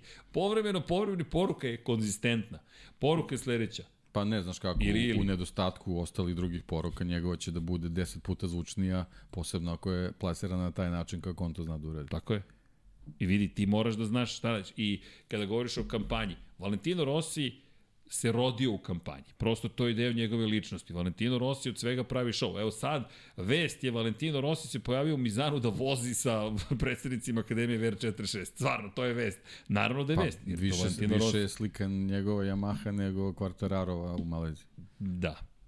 I, ali, ok, to ti to govori i o Rosiju, govori i o ostalim šampionima, govori generalno nastupima. Dobro, da, kažem, mislim, naravno, svako ima svoju prirodu i, naravno. i bira kako to radi, ali, ali, ali kad vidiš šta radi Mark Marquez, ne možeš da staviš ruke u džepovi i čekaš da počne e, sezona. ali to hoću da ti kažem. Ajmo da odvojimo dve stvari. Jedno je priroda, drugo je posao. Valentino Rossi je bio savršena kombinacija prirodnog marketinga, da ne kažem harizme, i toga da je on uvek nekako problemi u centru je pažnje i još pride voli da bude u centru pažnje, ne, ne samo da voli, nego je svestan i onda... Miroljubiv i agresivni marketing. Miroljubiv i agresivni marketing. Jao, ja se sav zbunio, jao, pa imam ribicu, mene ajkule jure, kako... Ćao, ćao, ćao. ćao, ćao, ćao, vale, vale, vale, vale, sve simpa, a zapravo čovjek koji kaže i on je sam samo pitaš se, njegove rivale pit, sve ti jasno polomljene rivale jednostavno nema jedini koga nije slomio Na kraju je Mark Marquez. Njega jedinog nije slomio.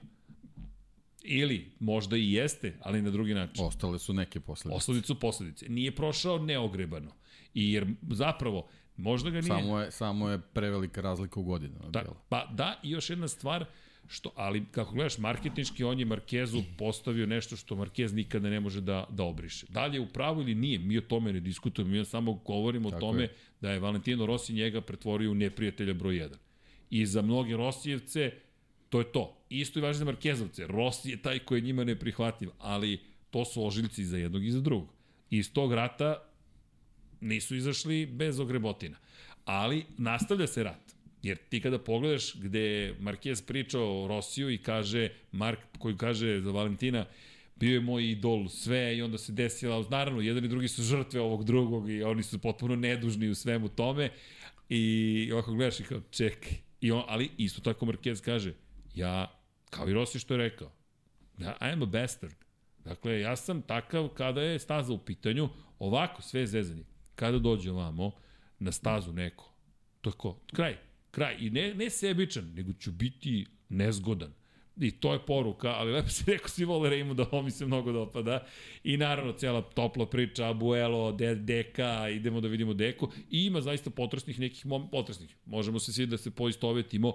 Deka koji ima 91 godinu i kaže, nek, svaki put kad se pozdravljam, ne znam da ću ga videti kad odem na 3 meseca, kada se vratim. Inače, spomenju se u knjizi Mark Marquez, ostvarenje sna, pričao o Deki je nešto što se što traje, jednostavno on je sastavni deo te, te porodice na jedan poseban način, ali eto, lepo si rekao, marketing da. i u nedostatku bilo čega upoliš i kažeš ček da ništa Marquez ima da uradi. Čisto da, da, da, da budemo potpuno jasni, mislim, on je kroz ozbiljnu Golgotu prošao. Ovo, ovo kroz ozbiljne iskušenja, ozbiljnu agoniju i ovaj, samo je dokaz njegove, njegove psihičke snage, ovo sve što, što danas što danas radi posle svega šta je prošao. Ali i on je rekao. Imao je Michaela Duana da na njegovom primjeru uči. Jest. Čovek koji je, Michael Duan je čovek koji je generalno uh, tu neku, neku, neku priču podigao na, na drugi nivo, generalno vezano za auto, motosport, ne samo za motociklizam. Jeste. Oporavak posle povrede koja... Gubitka funkcije noge da, praktično. Da, ti si bukvalno mogao da završiš karijeru, on je posle toga uspeo ne da se vrati, nego da, da stvari podigne na, na, na tako visok nivo da jednostavno nije imao premca ovaj, u, u tome šta je radio, čak je bio mnogo bolji nego, nego i pre. Pa, ukoliko osvoji titulu, ukoliko, da li ove, da li sledeće, da li ikada, osvoji tu devetu titulu, to je, to je nešto neverovatno. M ćeš se izjednačiti sa Valentinom Rosijem, M ko zna koliko ćeš pobjeda ostvariti, Grand Prix pobjeda, dakle ne sprint pobjeda, na tom putu možda dođeš do tih čuvenih 100, Dakle, to su sve moguće stvari, teško, ali nije nemoguće, ali ukoliko to postigneš, pa njegova priča je, i sad zamisli kada radi marketing u ovom momentu, kakav će biti marketing u momentu kada, ako se to desi, kakvi će to biti dokumentarci i filmovi. To će baš biti ozbiljna priča. I, i pa ja sam zahvalan kogod da je smislio tu, taj projekat, zahvalan sam na tom čuvenom sadržaju. Jer ti od Formula 1 ne možeš da zaspiš trenutno. Dakle, Formula 1 ne samo Drive to Survive, već to je način na koji fabrike rade. Mercedes, Mercedesov YouTube kanal, ljudi ko ne plati, ne, nema veze da volite Formulu 1, a, pogledajte iz perspektive pristupa i profesionalizma. I ja nisam za bla bla priče, dajte da nam pričate nešto da biste pričali, ali meni je bio fascinantan taj moment, oni su zavirili u svaki kutak fabrike. Šta radimo u ovom momentu? Oni prave bolid Kada smo deki mi zavirali u fabriku bilo kog proizvođača Moto Grand Prix?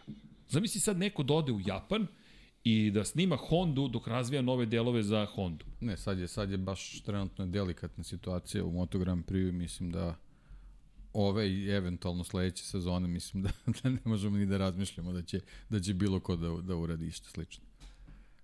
Ovaj, mislim da, da, da, da bukvalno ćemo imati sezonu na nož ovaj, i zbog toga baš jedno čekam. Ne, ne, sezona od, odavno nije bila ovoliko uzbudljiva i kada pogledaš ko sve može da pobediš u sprint trke, ba, nemam predstavu, zaista nemam predstavu i ne znam da li je ova Honda dovoljno dobra, Ducati definitivno deluje Ne, Honda je s ovim motociklom, ali... ako, ako je ovo taj motocikl, naravno. ovaj, stvarno deluje da je, da je shvatila u stvari pravila igre i da, da, da, da pravi jedan zaokret koji nije, nije tipičan za, za japanske proizvođače, posebno nije tipičan za Hondu da, da, da počne da sledi neke druge puteve, ali to nam je samo u stvari dokaz da jednostavno mora tako da bi da bi ili bila konkurentna u, u, u modernom Moto Grand Prix.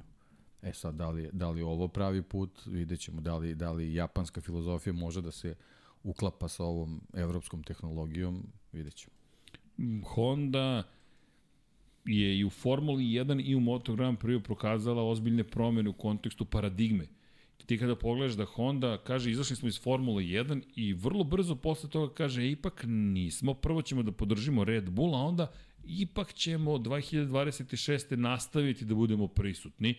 To je, to se nije desilo, ja ne, ja deki ispravim ukoliko grešim u istoriji Formule 1, da mi imamo situaciju u kojoj Honda kaže, otešli smo i ne prođe 10 godina. Ma ne samo Honda, nego generalno o, navikli smo da, da japanski proizvođači nisu baš ovaj, skloni tome da menjaju svoje mišljenje. Oni kad, kad nešto odluče, oni se drže to to. toga, pa makar bilo i na njihovu štetu, a ovo je ovako prvi put da imamo te neke ozbiljne zaokrete, što, što u, u promeni planova, što u, u promeni, evo, konkretno Moto Grand Prix ovaj, pristupa konstrukciji motocikala. Tako da ovaj deluje mi da, da, da, da, se, da su se tu desili prilični, prilični lomovi.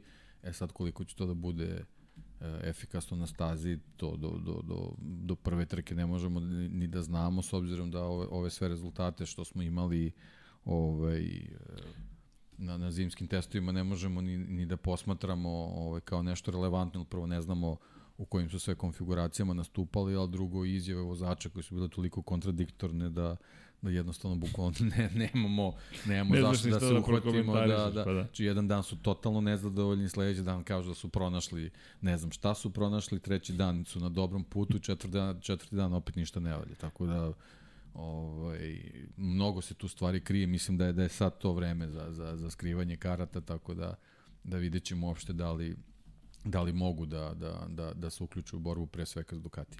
Uh, ima tu, uh, imam jedno pitanje, povezujem Formula 1 i Moto Grand Prix. Da li misliš da više saznamo tokom testiranja Moto Grand Prix nego Formula 1 ili je isto, jer da juče pa je rekao, ja ne pridajem previše značaj pred svetskim testiranjima Formula 1. Ja, i, I slažem se s njim, šta možeš da zaključiš eventualno ukoliko neko baš u ozbiljnim problemima, ali van toga mi nemamo pojma koja je količina goriva, ko je tu šta radio. Uporediti vremena je nemoguće jer napredak u Formuli 1 trenutno je takav da su oni vjerojatno dve sekunde po krugu brži nego što su bili. Ali mi nemamo pojma u te dve sekunde ko se gde postavio, a sa Moto Grand Prix nekako kao da moj utisak je kao da steknemo ipak više nekako informacije ili bolji utisak, pa, ne znam. meni je, što se tiče Moto Grand Prix, najviše informacija možda mogu da dobijem koliko je određeni vozač napredovao sa tim motociklom, koliko se srodio s njim, koliko je, koliko je spreman za, za nastup na, na, na, na njemu, a, a da li su ovaj da li su nam performanse te koje pokazuju ovaj pravo, pravo stanje, nisam toliko siguran. Ja se sećam prošle godine, recimo, kad smo, ovaj, eh, kad smo komentarisali zimska testiranja, ja sam bio uveren da, da će Jorge Martin da, da, da briljira 2022. Tako mi je delovao posle Malizi. Međutim, on je ovaj, pokazao da je da je u, u, u, u situaciji da, da dobro izveze taj neki sprint, ali da, da, ovaj, da jednostavno za, za čitave trke ili nije, ili nije bio potpuno spreman da, da, da, da, da vlada tim motociklom ili jednostavno priprema vezano za, za, za potrošene pneumatike, za ne znam, razne da druge parametre. Da da je psiha takođe u pitanju u kontekstu toga, jer gledam Znaš, kad, si, kad su testiranje drugačije, prazna je staza, to, to je do potpuno drugačija atmosfera. Si, da, da. da, da. Samim tim što, što su u, u stanju da izvezu stoji nešto krugova, verovatno je, verovatno i mindset potpuno drugačiji, tako da nije, nije to ista priča i ne govore oni ovaj, bez razloga da, da, da je sprint trka za njih u stvari samo jedno, jedno ogromno psihološko opterećenje dodatno, na kraju krajeva ta trka menja samo jedan trening praktično kad pogledaš u raspored, ili tako? Znači, Jest. dobijaju otprilike istu kilometražu koju su i vozili, ali sama priprema za trku je nešto što je što je jako, jako kompleksna stvar i verovatno je individualno opterećenje različito kod, kod svih vozača. Drugo trka je drugačije, boriš se za poene. Apsolutno, apsolutno. To utiče na šampionat, utiče na karijeru, to je potpuno drugačija situacija. Druga psiha, jednostavno tvoj pristup, moj, sam, zato, zato mi, sad mi zanimljivo, sad mi pada na pamet Jorge Martin da vidimo ove godine da li, da li se tu krije nešto, jer ako pogledaš, on je izletao sa staze pred kraj sezone u momentu kada vodi. Ti ponavljaš neke greške. Pa to si Zarku dešavalo. A bukvalno to se Zarku, kao, još pride klubski kolegi. Da. Ali to je taj Dobro, jedan da, moment. klubski kolega, ajde manje više Samo, nego da. eto, čisto- nalazim šalu u tom pole. Čisto eto u taj, tome. taj početak 22. sećaš se kakav je bio. Kako ne? Da. I 21. u stvari. Pa i 21. pol Da, pozicija čak- već čak u drugoj trci da, sezone. tako je, ti tako si je. Novajlija i ti mm, dolaziš do pol pozicije. Da, to je baš zanimljivo. Makar eto, meni da. zanimljivo. Ali okej, okay, vidjet ćemo, vidjet ćemo. Martin, sad moram da ga upišem negde da, da, da ne zaboravim, da, da ispratim da. Da. šta se tu zbivalo. Pa, Pa ne, da. jako je, jako je važno zato što već već dolazimo do sezone gde nema ni on više toliko kredita. Posebno što dolaze neke, neke, neke nove generacije vozača, više ni on nije tu najmlađi i Da, više nije, nekako- nije ta neka zvezda koja dolazi, posebno ako, ako Raul bude, bude bolji ovaj, nego što je bio pro, prošle godine, a- tu eto, postoje neke naznake posle tih zimskih testiranja, mada sećaš se, i to smo komentarisali prošle godine, Malezija, prva fotografija koju smo dobili sa, sa testiranja je bio Raul koji se smeje.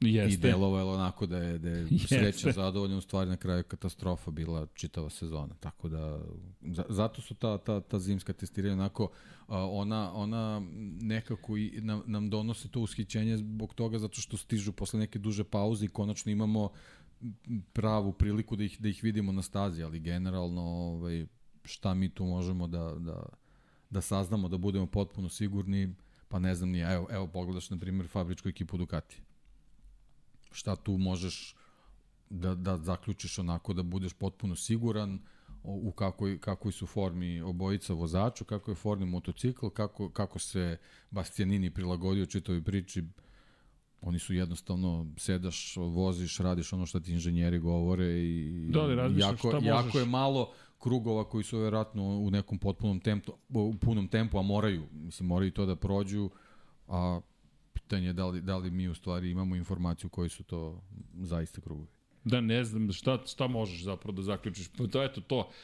Ajde vidjet ćemo da li nešto pametnije možemo biti. Znaš, gledao sam više u kontekstu vremena nekih koji su postignuti, kao da smo bliži razumevanju da li je simulacija trke ili ne, i kao da su otvoreni u tom kontekstu vozači u Moto, Moto Grand Prix. Jer Formula 1 nekako nikad ne znaš zaista šta se sad Da, zna, kako, pojma. kako, kako u Maleziji simuliraš Portimao? Ne znam. Ne, moraš da odeš u Portimao. I, a, a i to nam se bliži. Da ne zaboravimo, ej, ljudi, sezona je ne baš iza ugla, ali za tri nedelje mi imamo Mi imamo prvu trku godine, prve dve trke godine, jer imamo i sprint i, trk, i Grand Prix trku, već za tri nedelje. Imamo matine. Matine. E, lepo rečeno, imamo da. matine. o, bit će spektakl. Oh, to je da čekam i tu najavu.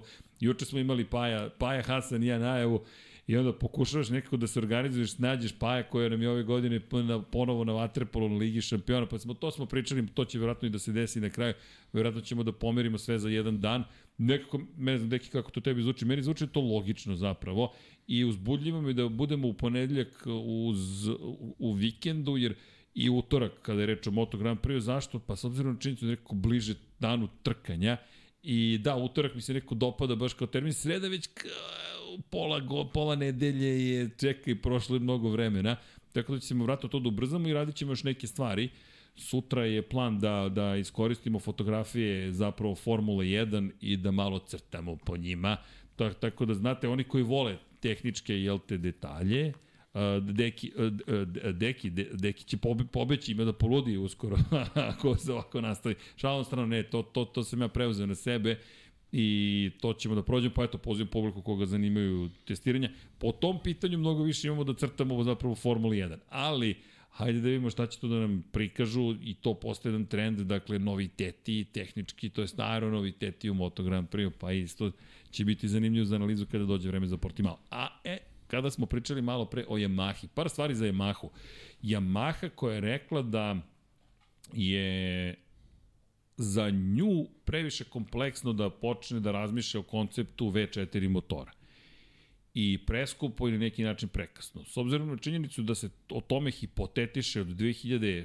7. 8. Da, prekasno je da sada nešto ozbiljnije pričamo o tome, ali činjenica je da se Yamaha oglasila na tu temu i rekla je da je ne može da zamisli kompanija tu vrstu promene. I ja mislim da je vreme postojalo tada 2005. 6. 7. Zašto? Pre globalne ekonomske krize koja se i dan danas osjeća, 15 godina kasnije, 2008. kada su se slomilo ekonom globalno tržište I u tom momentu, pre toga, je bilo dosta para. Valentino Rossi na vrhuncu slave, duvanska industrija dalje sipa novac bukvalno u razvoj, ti si u tom momentu mogao neke stvari da učiniš, Superbike još nije popustio, pa sad počinje povratničku, jel te, spirala, to jest da kažemo, sad se vraća na, na vrh, u tom momentu ti možeš sve da uradiš. Zašto spomenjem Superbike?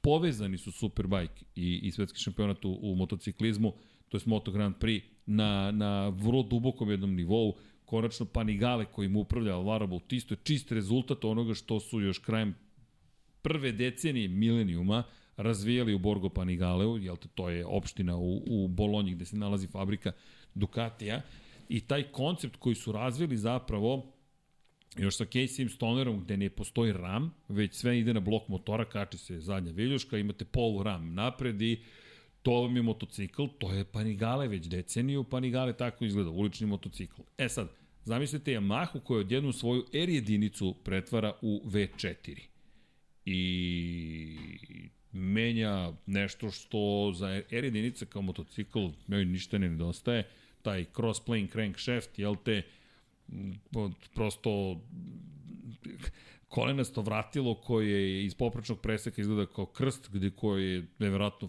fascinantno kako je izbalansirano još pre skoro sada 20 godina, 18 godina kada su uveli tu tehnologiju, napraviti V4 baš ozbiljan zadatak. Tako da ja to ne vidim da će se desiti. Ne znam da li se slažeš sam, da li, kako, da li koje ti viđenje, ali ja zaista ne vidim da to sad u ovoj atmosferi posle COVID krize i svega i svih problema sa inflacijom, ti odjedno kažeš, aj napravimo taj mamutski zadatak V4. Pa da, možda eto taj, ta, ta, ta korona i sve to što se dešavalo, možda to u stvari bio pravi trenutak da bezbolno promene ovaj, koncepciju, ne, ne bi pretrano mnogo izgubili, ovaj, a sad bi već bili u situaciji da možda već usavršavaju tu tehnologiju, onda se desila titula Fabija Kvartarara koja je dodatno možda uspavala i ovaj, čak i ako je bilo nekih, nekih ovaj, ljudi u Yamahi koji su bili za, za promene, ovaj, verovatno su učutkani tim, tim rezultatima i sada kad, kad se desila 2022 ovaj, sada upravo to što su i oni rekli sada da, da, da krećeš ovaj, od, od praznog papira,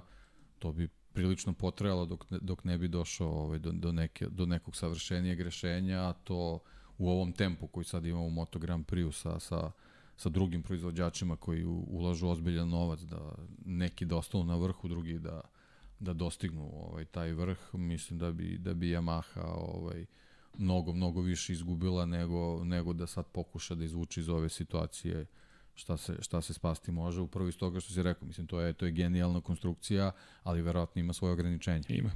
Pa to vidimo. I to je ovaj to je više nego očigledno. U ovoj, u ovoj eri se baš vide već nedostaci Ducati aerodinamikom reši svoje probleme i onda odjednom ta stabilnost koju možda, taj možda donosio. Su, možda su konfiguracije staza koje su ušle u šampionat doprinele i tome. To veliki broj trka, tako da moguće, moguće da ovaj, da su to u stvari ne, ti neki hendikepi zbog kojih te, ti, ti neki nedostaci koje, koje ima moto, motoci, motor u stvari samo ovaj, su mnogo izraženiji nego što zaista jesu. Jer da. mi s vremena na vreme vidimo da, da, da ta, ta Yamaha može da konkuriše. Ali, ali na neki duže stazi, na neki duži period, tu, tu, tu je u stvari problem.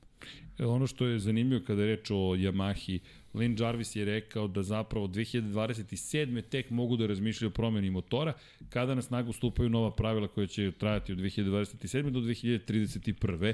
I rekao je na kraju ove godine, još nisu pravila zapravo definisana jasno, kada definišu pravila, svi zajedno kada se dogovore MSMA, to jest e, Motorcycle Sports Manufacturer Association, zajedno sa Dornom i IRTom, International uh, Road Racing Team Association, dakle udruženje trkačkih timova međunarodno i udruženje međunarodno sportskih proizvođača motocikala, to je proizvođača sportskih motocikala, rekao je da će onda zapravo Yamaha vidjeti šta joj valja činiti. I rekao je tada imamo iste podjednake šanse kao i bilo koja druga fabrika da napravimo nešto novo. Ducati lobira za hibrid, ne znamo da li će uspeti u tome ili ne, ali to je najveća promjera koju mi vidimo i kada se to definiše do kraja ove godine, onda ćemo znati kako izgleda pa, budućnost. Yamaha mora da, da osluškuje šta će se desiti ili, ili mora da, da ojača svoje pozicije da ona bude tako da će to da diktira.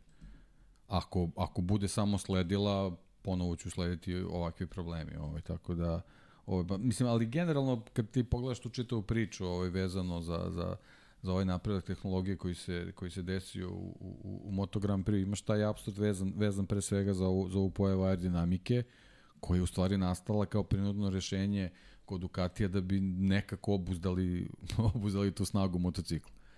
I sad, dolaziš do situacije da, da Ducati u tome ovaj, ostale, uh, ostali timovi slede, slede taj, taj razvor aerodinamike, a nemaju motocikle koji imaju neku brutalnu snagu koju treba da se obuzme. I onda ti I dobiješ onda, veći aerodinamički da, i onda, otpor. I onda ja sad sednem i razmišljam i kažem, a zašto neko ne bi se pojavio s motociklom koji nema ni jedan aerodinamički dodatak? Hmm. da, to je zanimljivo zapravo. Ali, da, ti moraš... Ne, ali ovo je klasična Formula 1. Zašto kažem Formula 1? To si ti davno opisao, ali evo još jedna dimenzija. Formula 1 je potpuno ne aerodinamičan, ne, ne koeficijent aerodinamičkog, to je vazdušnog otpora je enorman. Vi terate kamion, manje više kroz vazduh. Ali u čemu je pojenta? Kada stignu krivine, ta aerodinamika omogućava da vi u krivinama postižete nenormalne, nestvarne brzine i da uprko su silama bočnog ubrzanja od 5 sila zemljene teže, to je gravitacije, vi ste dalje stabilni na asfaltu. Da biste to postigli, vaš motor mora da bude i blago rečeno toliko jak da može da savlada sav taj otpor. Jer vi zapravo, zašto, čemu im služi DRS? Sistem za umanjenje aerodinamičkog otpora. Bukvalno sve piše, drag reduction system. I ti sad otvoriš DRS, on smanji otpor na zadnjem krilu, tok poleti bukvalno i ti ideš, letiš. Preko 400 km na čas je bar Honda postigla kad su poskidali sve sa nje, sva krila su poskidali, rekli ajde da vidimo, ne znam u kojoj pustinji. A ti sad ovde imaš sledeću situaciju. Da bi smo mi ovo uradili, razvi prvo monstruma, a onda ga optereti aerodinamičkim otporom koji će nam dati prijanjanje, a onda, kao Aprilia, sad u krivinama uvedi Venturijeve tunele, jer sad imamo ovaj motor koji u krivinama ništa ne radi, šta? Onda ti čekaš da on bude zapravo dovoljno responsive, to je da on dovoljno brzo odgovori na tvoje zahteve za snagom, ali ne previše agresivno da te ne bi, pet, da bi, ne bi lansirao, da ne kažem petardirao, ko puca, bom, ko bomba, samo odledom te lansira. Pitajte Aleša kako bilo u Silverstone, gde je izgubio titulu. Izgubio titulu i još jedna stvar, pitajte Marka Markeza u Indoneziji, kada je ustao šamućen i ne znam s kim je pričao i kaže Marquez, kasnije ide razgovor sa svojim fizioterapeutom i kaže E, da, više se, ne, rekao je, sada je došlo stanje kada mnogo češće gumimo prednji kraj pa otklizamo i kaže Diego Fitzpatrick, da, da, niko, niko nema high side, nikog ne lansira motocikl. Kaže Mark, a, pitaj mene posle Indonezije. a on čovjek odleteo, dovratila mu se diplopija, ustao u nesvestići, ne zna šta ga je snašlo. To je, e, to je bio dobar moment, izvini, to je kadar Alex koji je rekao, i vidiš taj snimak kako ulazi, ne vidimo unutra, kaže Alex, tada ja sam znao da će on hteti da vozi. Ja sam otišao kod njega, to rođeni brat je došao i ja ja ga podržavam, ne usporam, ne suprotstavljam mu se, sve je okej, okay, Raymond je Raymond, ali došao je nevaljali brat Bitanga i rekao, nemoj da voziš. Kaže, nemoj da voziš, bit će još trka. Jedan ži... ne, nemoj da voziš. Bukvalno je on, jer, i kaže Mark, u tom momentu ja sam već bio spreman, idem da vozim, i onda ovako, iako mi nije baš najbolje, i onda kad, sam, kad je došao Alex i rekao, nemoj da voziš, onda sam rekao, okay. Onda se setio drugog Jereza. Onda se setio verovatno drugog Jereza, tako je i rekao, ajde da ipak ne vozim. A i to ti je ogromna promena. Alex koji, koji dobro, nije on zvezda tog filma, ali lepo je videti Aleksa Marquez iz neke druge perspektive, ali to što si rekao, deki, da se vratimo na Hondu ili bilo koga, ti da bi sve ovo radilo, ti moraš da imaš sve moćni i moćni motocikl. Motor zapravo. Hvala deki, briljantno kao i uvek. I o, ti zapravo dođeš do toga da je ovo zaista Formula 1 ti teraš Formulu 1.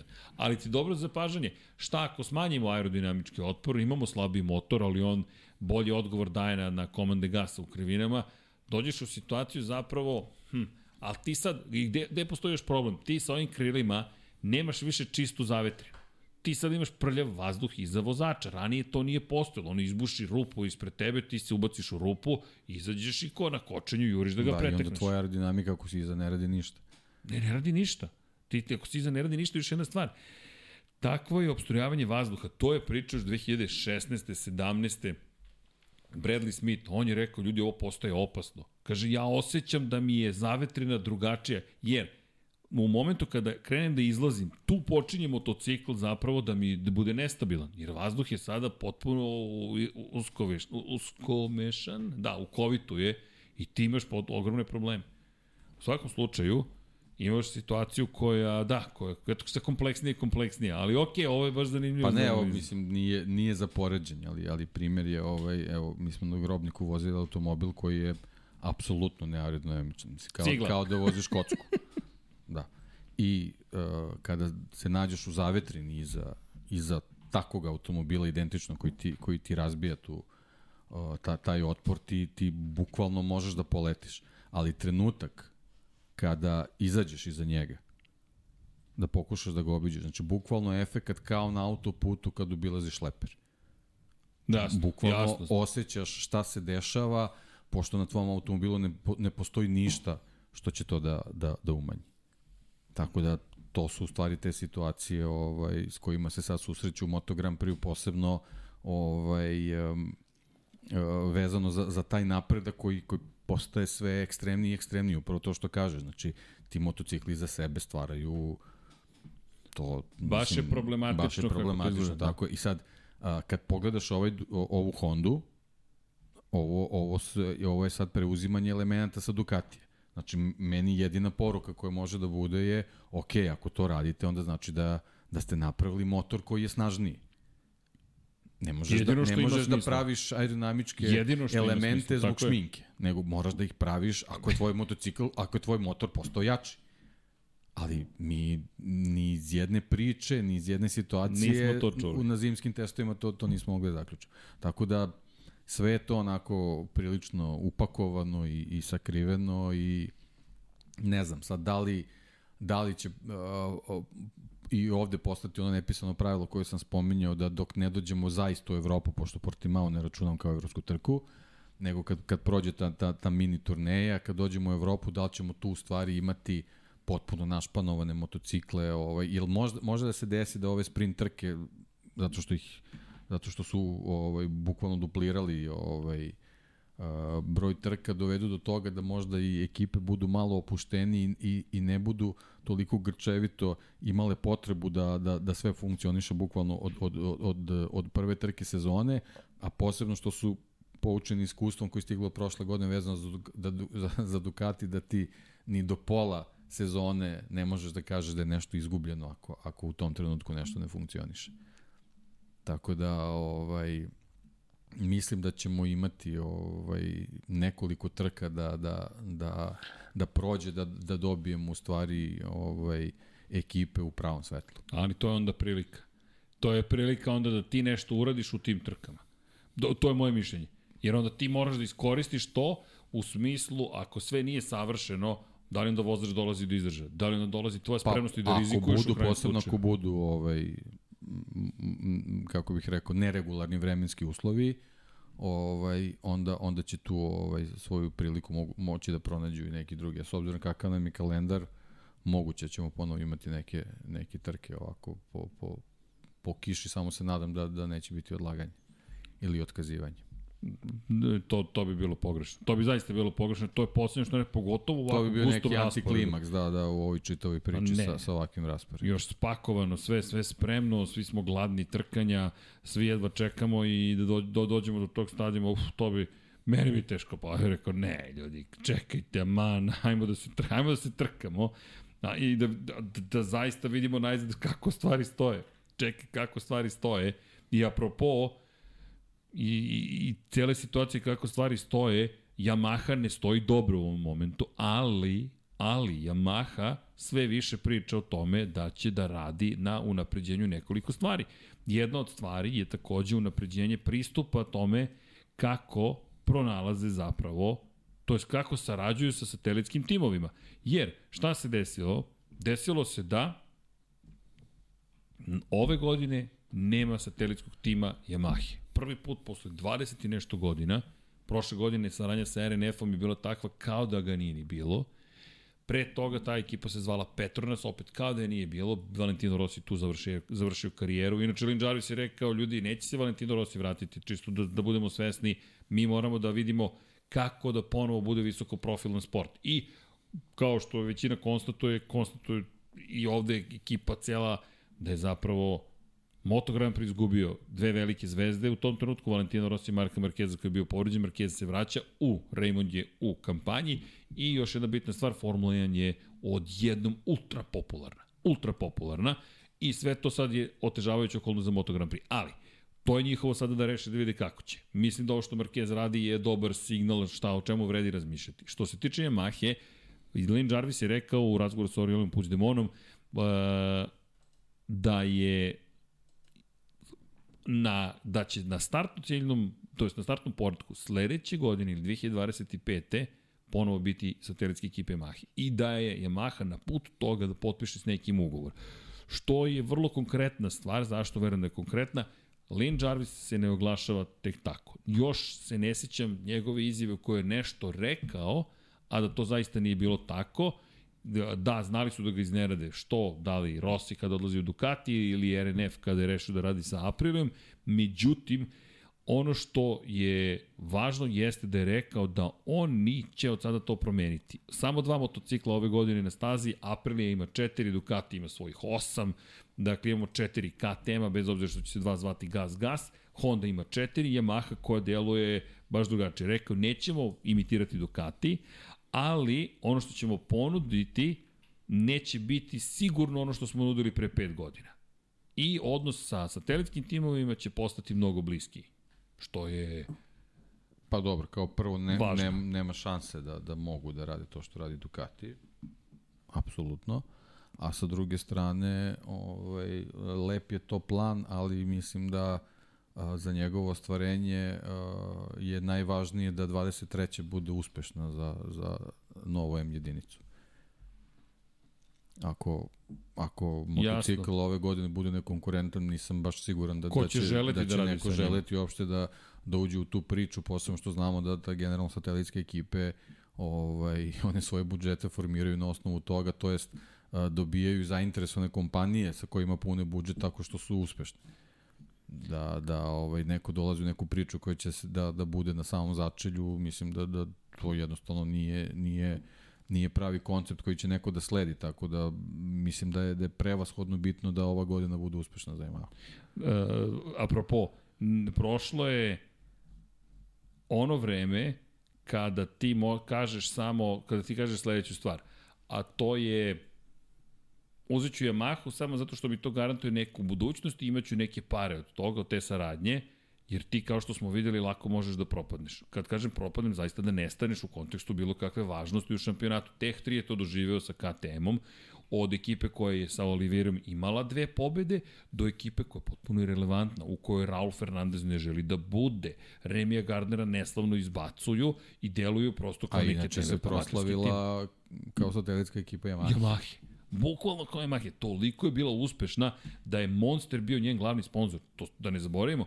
Monster je otišao u redove fabričke ekipe tek kada je Teh 3 otišao u KTM-ove ruke i prihvatio da mu glavni sponsor bude Red Bull, to je Red Bull Cola, koja im je otkazala saradnju posle jedne godine beš, ili dve. A Monster koji umeđu vremenu ostao bez svog tima i onda je rekao, pa okej, okay, ajmo mi u fabrički tim Yamahe, Monster koji je kao što si lepo rekao i zaključio, ostao bez Suzuki, pa je rekao, pa dobro, ajmo ovaj budžet sada prebacimo u Ducati, ti sada imaš, na primjer, neku neku imaginarnu ekipu koja treba kaže sa Yamahom, je važno idemo u saradnju sama. Šta će mi se desiti? Pri čemu? Šta ti da radiš sa Yamahinim rečima? Zaista... Šta će mi se desiti? Kako, kako da privučem sponzore? Čime? Kako ćete mi pomoći? RNF-u ne da niste pomogli, nego ste ih pustili da potonu, bukvalo i bili ste u fazonu, pa to, to ste platili, ko šiša. Bukvalno to je bila poruka, ko šiša. To vreme se promenilo. Ti kao fabrika, nadam se da Jarvis svoga svestan, moraš da pod svoje okrilje uzmeš tu ekipu, ali ne da je potopiš kao svoj B tim, nego da kažeš, ej, takmič, trkajte se. Bukvalno trkajte se, jer Gresini prošle godine, ja mislim da je imao ne toliko podršku Ducatija koliko magičnu kombinaciju toga da je Nadija Padovani, Nadija Padovani, gde smeš da diraš Gresinijevu suprugu čoveka koji je preminuo legende italijanske u sred Italije posle prve pobede Enea Bastianine na početku sezone koja je ultra emotivna, gde ona plače, svi su srećni, cijela Italija slavi, ti tu dve ruke i još imaš Karla Pernata koji gađa samo ka, Karlo koji igra pikado. igra pikado, čovjek koji je u jednom momentu bio antiheroj zapravo, došao je do toga da je on sada neki Robin Hood, kao, kao ja spašavam ovde ljude, Karlo Pernat, inače prevejan, jedan pregovarač i bivši šef fabrik, čovjek koji je otvoreno lagao svoje vozače i on to priča u knjizi, ko nije pročito sve njegove trke Valentina Rosija, trk na shop.infinitylighthouse.com, gde Karlo Pernat kaže, došao mi je Valentino i rekao, hoću ovog inženjera u apriliji, a taj inženjer radi sa Lorisom Kapirosijem i kaže, ja odem kod Lorisa i kaže, znaš, bilo bi ti bolje sa ovim drugim. I Loris kaže, stvarno to misliš? Da, daj mi njega. I otpusti ovoga I onda mu je 20 godina kasnije, znaš, lago sam te, jer Valentinu sam morao da izađem u susret. I taj čovjek je sada junak pred... I ti da kažeš samo, ok, sve u redu, Karlo, ali meni je fascinantno i dalje. On ušeta se u svaku garažu. Čak i ljudi s kojima nikad nije sarađivao. Uđe u Leopard Racing, mahne i svi pogledaju. Pa šta ga košta? Ništa. I svi pogledaju, Karlo, okej. Okay. Nema šta, znači s Karlom, čao Karlo, kako si, može proseko i to ti je to. Ali to, to je kombinacija stvari. A ovo sa Yamahom, pa ajde, drži mi pa, palčeve. Zanimljivo je, odnos Jorge Viejas je rekao, inače predsednik Međunarodne motociklističke federacije, da će Valentinov tim promeniti Ducati za Yamahu naredne godine. I ništa nije potvrđeno, ali ovo je ideja. I sad Viejas to iznosi, Ver 46. ekipa se odmah oglasila i rekla ne, mi imamo ugovor do kraja 2024. sa Ducatijem, a onda dolazi u tu celu priču Jarvis koji kaže Ne želim da komentarišem Vjehasove reči, ali bih volio da se svako drži svoje, svoje zone uticaja, to je svog posla da prevedemo na srpski, dakle, očigledno da bismo voleli da se vratimo što je pre moguće do toga da imamo satelitski tim, ali ima tu stvari koje moramo da razmišljamo i ono što si ti rekao, prva stvar, moramo da budemo konkurentni. Da ubedimo koga god treba da ubedimo da promeri svoj motocikl. Nisam teo ti kažem ranije, pošto genije si i to treba da se poštuje. Molim vas, aplauz za rođendanca, kao i uvijek. Ali eto, tako da vidit ćemo. Inače, jedina ekipa koja nema ugovor na posle ove sezone je Gresini.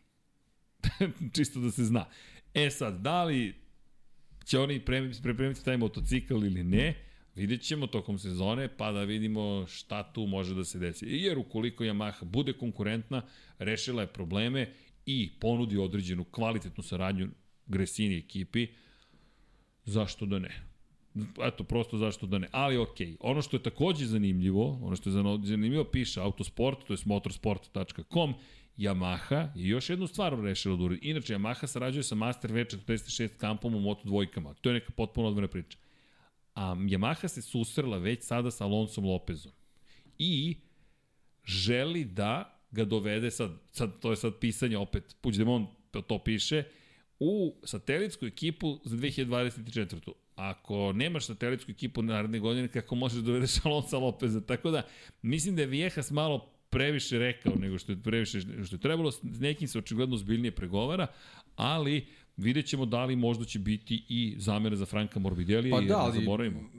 To je otvoreno ako, pitanje. Ako razmišljamo na taj način, ako je to, ovaj, ako je to smer, onda može se desiti da, da ovaj, bukvalno uh, Yamaha ponudi tako dobre uslove uh, nekoj ekipi koja, koja razmišlja o, o, ovaj, ili o nastupu Moto Grand Prix ili, ili generalno time rešava neke svoje probleme, da da to u stvari bude da bude prava priča da da Yamaha daje svog vozača koji koji koji koji koji kojeg on ona plaća i da dobiješ neku ozbiljnu tehničku podršku da jednostavno ovaj ti se olakša život da da da trebaš da obezbediš mnogo manji budžet. To je recimo može da bude neki koncept da da neko čak možda eto tu jednu sezonu može da žrtvuje u slučaju da, da nije siguran ovaj, u, u kvaliteta motocikla koji će dobiti, ali isključivo na taj način. Da neko bude ovaj, ostavljen da, da samostalno formira čitavu priču oko budžeta, mislim da, da, da sa sa uh, motociklom koji u prethodnoj godini bio loš, mislim da to jednostavno ne, ne, da je nemoguće, da jednostavno ne, ne postoji način da se to uredi.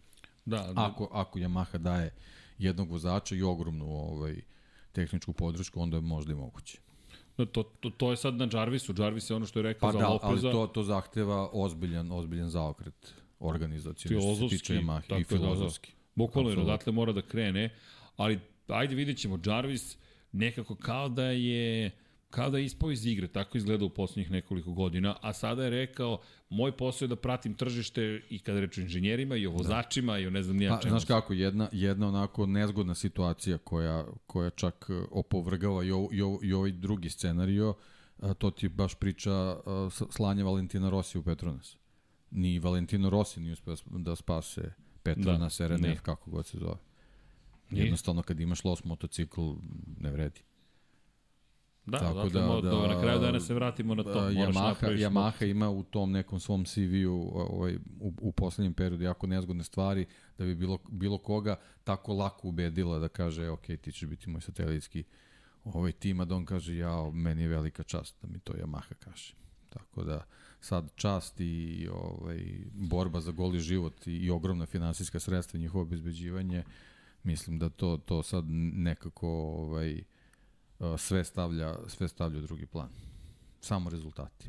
Pa da, bukvalno samo rezultati ostaju. Jer na kraju dana tako jedino možeš da, uslovno rečeno, da preživiš. A rezultati podrazumeva se da obojica vozača u 23. budu dobri. Ajde, to je sad već Franco Morbidelli. Jer ako ti je samo dobar Fabio Quartararo, to nije dovoljno. Mora, to lepo si rekao, moraju da obojica da budu dobri. Da bi se dokazao mot, potencijal motocikla. Uhu, baš je zanimljivo u Yamahi. Ovo je zanimljivo, kod ma sve je zanimljivo. Ne zanimljivo, baš je onako glavobolje ozbiljno. Oni su sad ovaj, u prilično roš, lošoj situaciji što se tiče tog nekog statusa generalno Moto Grand Prix. Da, oni su prome od, od ekipe koju svi žele do ekipe a, od koje ovaj, bežiš. Paradoks je da su prošle godine, bukvalno do, do nekoliko trka pre kraja sezone, bili konkurenti do odbrane titula. Da, da, da, čekaj, čekaj, sad, ajde, to, to bi bilo zanimljiva analiza. Znaš, COVID, promjena koncepta, a ti se vraćaš na vrh, osvojaš titulu uprko svim kritikama i svemu, a ti onda slede prošle godine padaš na način na koji si pao i sad dolazimo, ne, ne šta, ovo vremena, to sve, ovde je sad sve na godinu na godinu.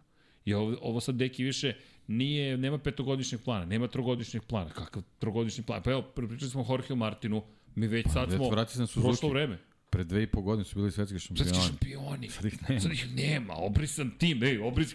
Koji imate pet Nema obrisani motocikli, raskopljeni, bačeni u kantu. Ne, spaljeni su. Uništ, komisijski pa da. su uništeni. Znaš, to mi zvuči tako nekako ne znam, iz nekog drugog perioda. Kao leto 68. To, to, bukvalno sam to da kažem, znaš kao, čekaj kao, šta radite, komisijski uništavamo, šta? Motocikl koji... Eksplicitne filmove. Subverzivni materijal. Filmove eksplicitnog sadržaja. Strašno. A, da. I nema više Suzuki-ih moto, je nevjerovatno, to je tragedija. Dajte nam bar izdobni, dajte nama Krapovića, onog što ste da, imali. Da, mogli su Auspuk da nam daju jednu, jednu granu da granu ovde da stoji.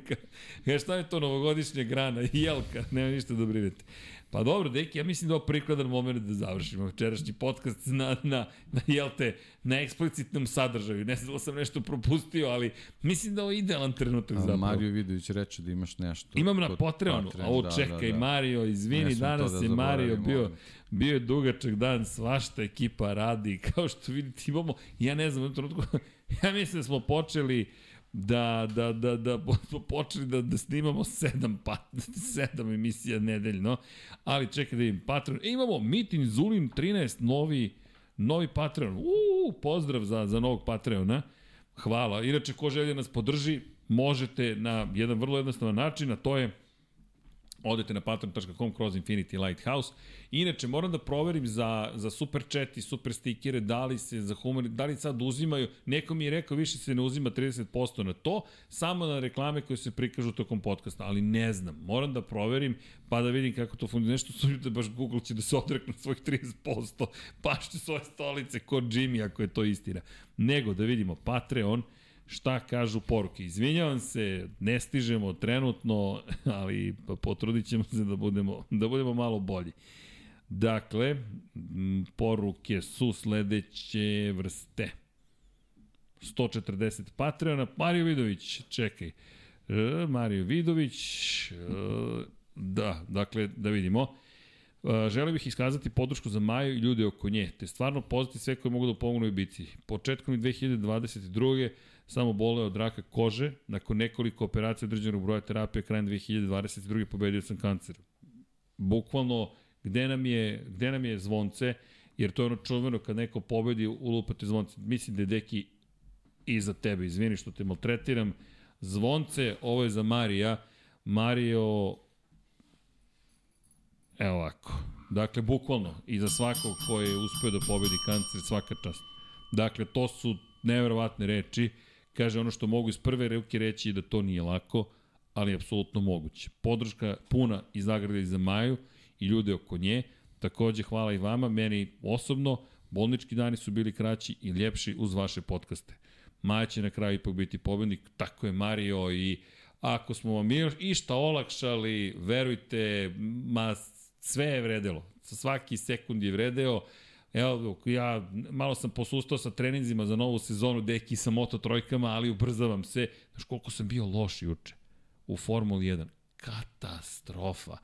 Pogubio sam noge. Gde je kočnica? Otprilike, znaš, na tom nivou je bila vožnja.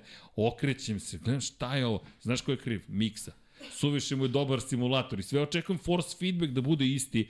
I sad idem nešto, sad ja vučem volan, ne, šta je ovo igračka? Ali Na dobro, dobro se lako navikneš. Tako je, ali ajmo da se vratimo Mario. Mario. Samo smo napravili grešku, ovo što smo dozvolili da rasformira dok je u Singapuru. Uf, Mesec dana smo mogli da... da... Ej, mogu je ovdje da ga donese. Jao, Miksa, ako ovo slušaš, Sluša, sluša. Sluša, daj nam dozvolu da upadnemo na gajbu. Nema, rasformiran ko Suzuki. Komis, komisiono. Gospodja je rekla.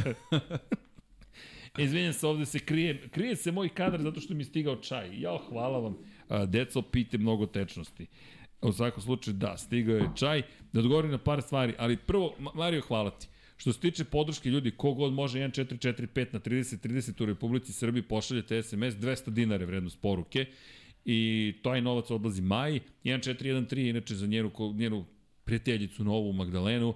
Muka ih je spojila, ali ajmo mi da pobedimo i za jednu i za drugu za Maju pre svega zato što, e, šta da radite, to su sad ljudski lični kontakti i neka bliskost koju mi osjećamo prema Nenadu, oni su partneri, Nenad Milunović, naš divni, dragi kolega, divna Maja Nedić, Dakle, ukoliko možete, podržite Maju, nama će značiti, njima će značiti, tako da svaki dinar apsolutno je važan. Svakoga dana mora da se zapravo potroši, to jest plati 500 eura za terapiju i koliko god para da se potroši, verujte, vredi svakog dinara, samo Maja da se oporavi i to je najvažnije. Sve ostalo manje bitno. A Mario, hvala tebi što si podelio ovu priču sa nama mislim da je važna, svi ljudi koji imate nekoga ko se bori sa kancerom ili bilo kojom drugom bolešću tog tipa, bitka traje. I ja i dalje verujem u humanizam koliko god, možda su ljudi uvek bili podjednako šašavi, ali sad uz društvene mreže i vidimo instant šašavost na delu, ali ja i dalje želim da verujem da je humanizam nešto što je važno i cela ekipa ovde radi na tome. Tako da hvala Mario i hvala svima koji ste podržali, dali Maju, dali nekog drugog i nema predaje. Ljudi, kogod ima neke probleme, još jedna bitna stvar, to smo prestali da spominjemo, neki put prosto, prosto se pogubimo, ali kada je reč o teškim momentima ličnim, dakle depresija ili bilo šta, kada uhvati depresija bolest, dakle to je teško stanje jedno i možete da se borite, obratite se nekome, Ako imate neke teške misli, slušajte Lab 76, 99 yardi, Kosmos, ne znam, slušajte nešto i neka vas zabavimo zapravo time što sve ovo je naš smisao života, mi se ovome zabavljamo, da li ćemo promeniti kosmos, pa ukoliko vama pomognemo, eto, to smo učinili, ali nije nam to neki cilj, nismo mi toliko bitni pojente da se lepo družimo i zabavimo.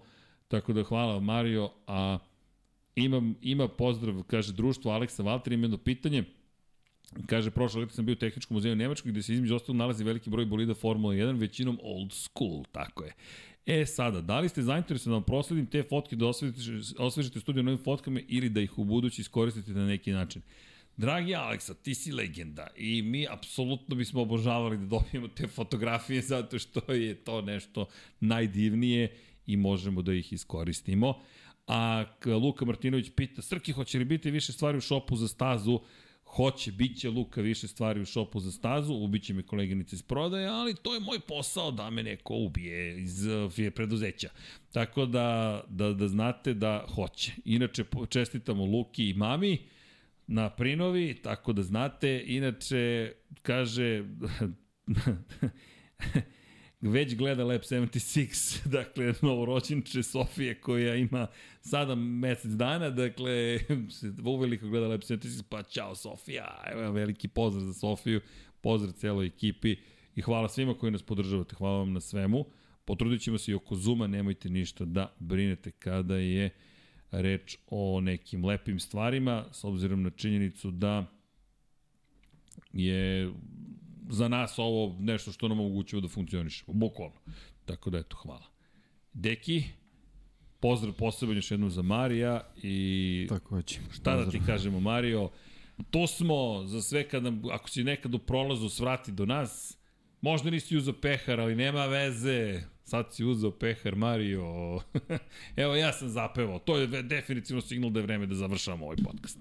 279. izdanje, proslavili smo Dekiv rođendan, malo pričali o svetskom šampionatu Superbajku, sledeće nedelje se nastavlja borba za titulu u šampionatu sveta u Superbajku. Moto Grand Prix, ne znamo koje nas priče čekaju, približavamo se testiranjima u Portimao, sledeće nedelje ćemo već imati prvu trku Formula 1 iza nas, tako da će to biti mega uzbudljivo, pa da vidimo kome će pripasti. Ajde, samo kratko, Deki, da li uopšte daješ bilo kakve prognoze ili Formula 1 čisto, čisto ovako? Pa, ono, ajde, ako gledamo neku tradiciju, ovaj, mislim da će opet opet ćemo imati uzbudljiv početak sezone i mislim da će opet Ferrari da, da, da igra bitnu ulogu, ali mislim da je Red Bull možda ove godine jači. Da, da to je taj opšti utisak koji svi bukvalno imamo. Ali mislim, nisam bukvalno... ništa, ništa novo rekao, ali eto, generalno deluje da je takva situacija. Da je sur... Apsolutno ne. neki nam nije fan. Neki, samo izaberi ekipu, makar da možemo da te prozivamo, razumeš? Ajde, znači, ajde, ajde, vidi. Do kad je rok, kad mora? A, da pa, pre prve trke. Dakle, A, pa dobro, dobro. E, pre prvih kvalifikacija, izvini, pre kvalifikacija. Dobro, Inače, znači može u petak. Da, može u petak. MotoGP Fantasy mislim da još nije spreman za 2023. Evo, vašom je ovde, nije, nije, nije. Sjetit će se pre trku. Možda da, pet, u, pa kao nismo napravili. Čekaj da imamo da li se nešto Možda će Carmelo sam da pravi to. Kolega, vi ste danas u posebnom raspoloženju, to je sve okej. Okay. Čekaj da vidimo MotoGP Fantasy. Ja koliko vidim, nema nema race completed, dakle spremamo, čekamo, čekamo, čekamo, imate MotoGP prediktor, da ne kažem predviđanje, možete da osvojite ti so sat. Je Aprilija predstavila zvanično motocikl? Hmm, o, sad si me... Sad mi nešto pada nabrija, nisam vidio fabričke fotografije. Ili greš? O, sad si me zbunio. Ili bila? Ja mislim da nije, ne, ja mislim da nije. A jeste, bilo je onom, onom pozorištu nekom, je li tako? Je li to, jel su to bile, ili su boje ne, samo Ne, to pred... su predstavili 2022. Nisu 2020. To nije sad bilo? Ne.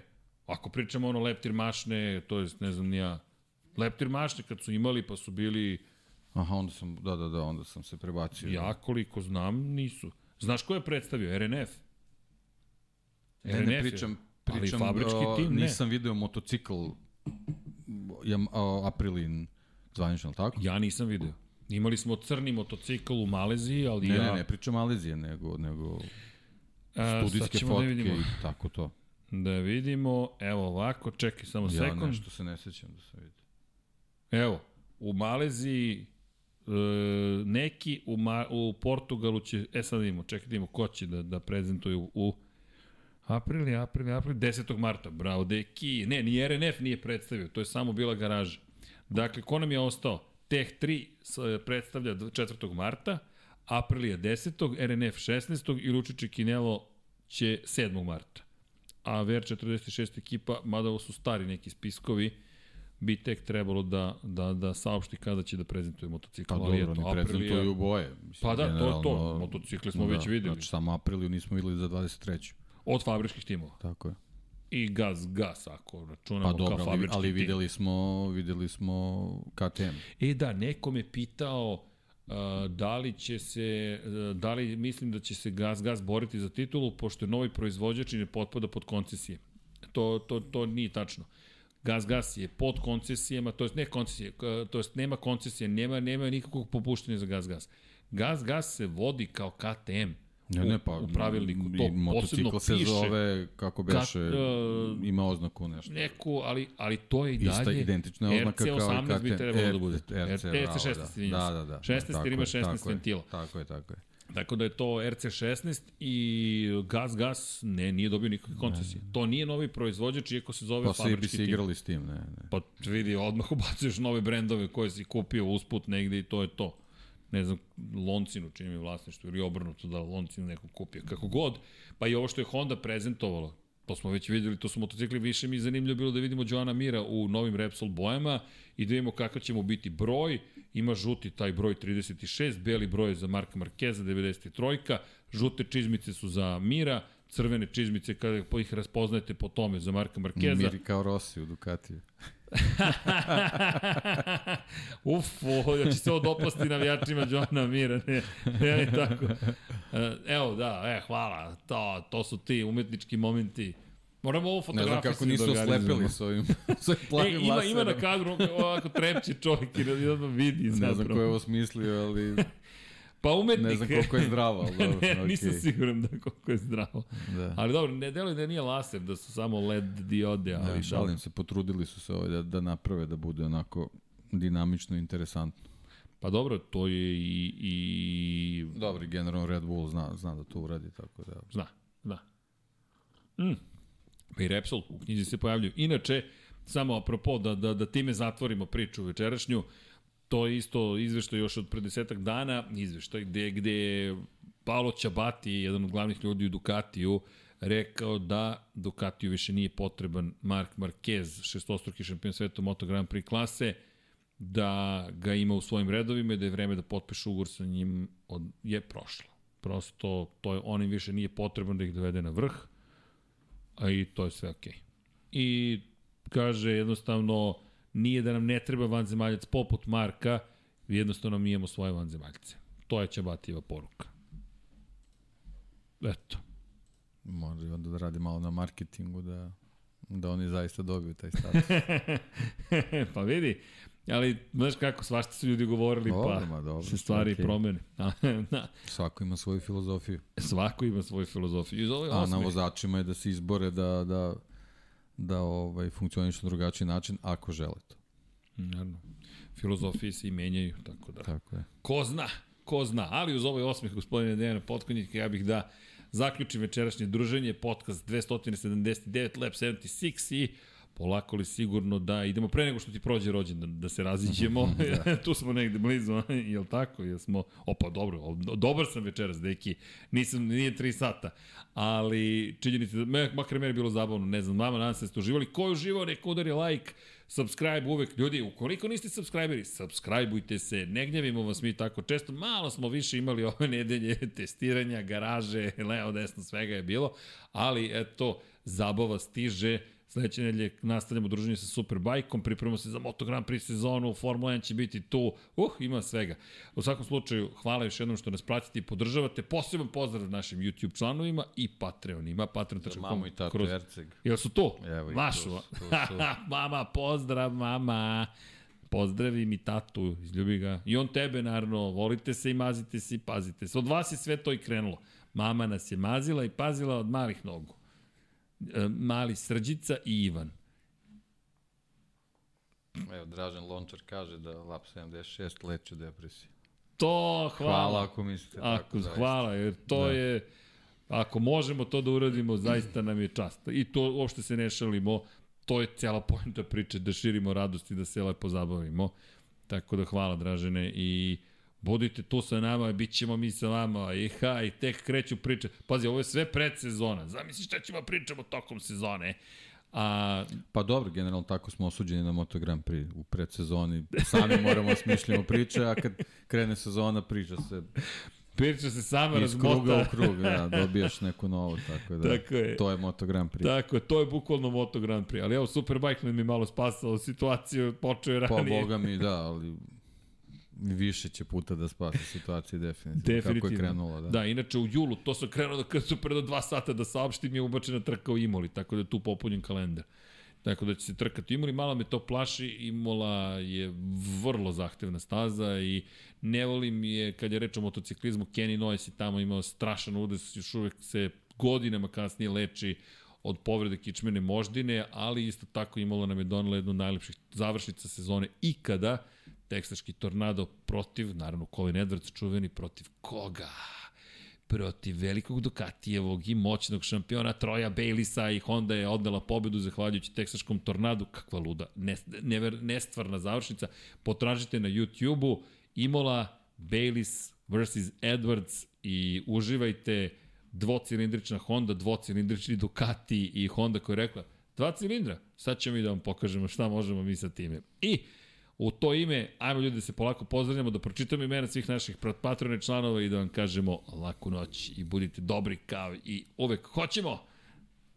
Ajmo, vreme je da krenemo. Pa hvala svima i čao svima. Dejan Avić, Ferenc Laslofi, Ante Primorac, Kristijan Šestak, Luka Martinović, Ljubo Đurović, Ivan Simeunović, Petar Relić, Aleksandar Antonović, Miloš Broćeta, Strahinja Blagojević, Stefan Janković, Boris Kujundžić, Jasenko Samarđić, Kovačević Omer, Novak Tomić, Zlatko Vasić, Ertan Prelić, Zorana Vidić, Igor Jankovski, Zoran Šalamun, Milan, Mlađan Antić, Filip, Renata Neš, Miloš Rašić, Gloria Edson, Crnogorski Jedi, Alen Vuletić, Nemanja Labović, Luka Savović, Luka Klaso, Šmele, Aleksa Jelić, Danka, Ognjen Marinković, Armin, Marko Ćurčić, Marko Kozić, Branimir Rijavec,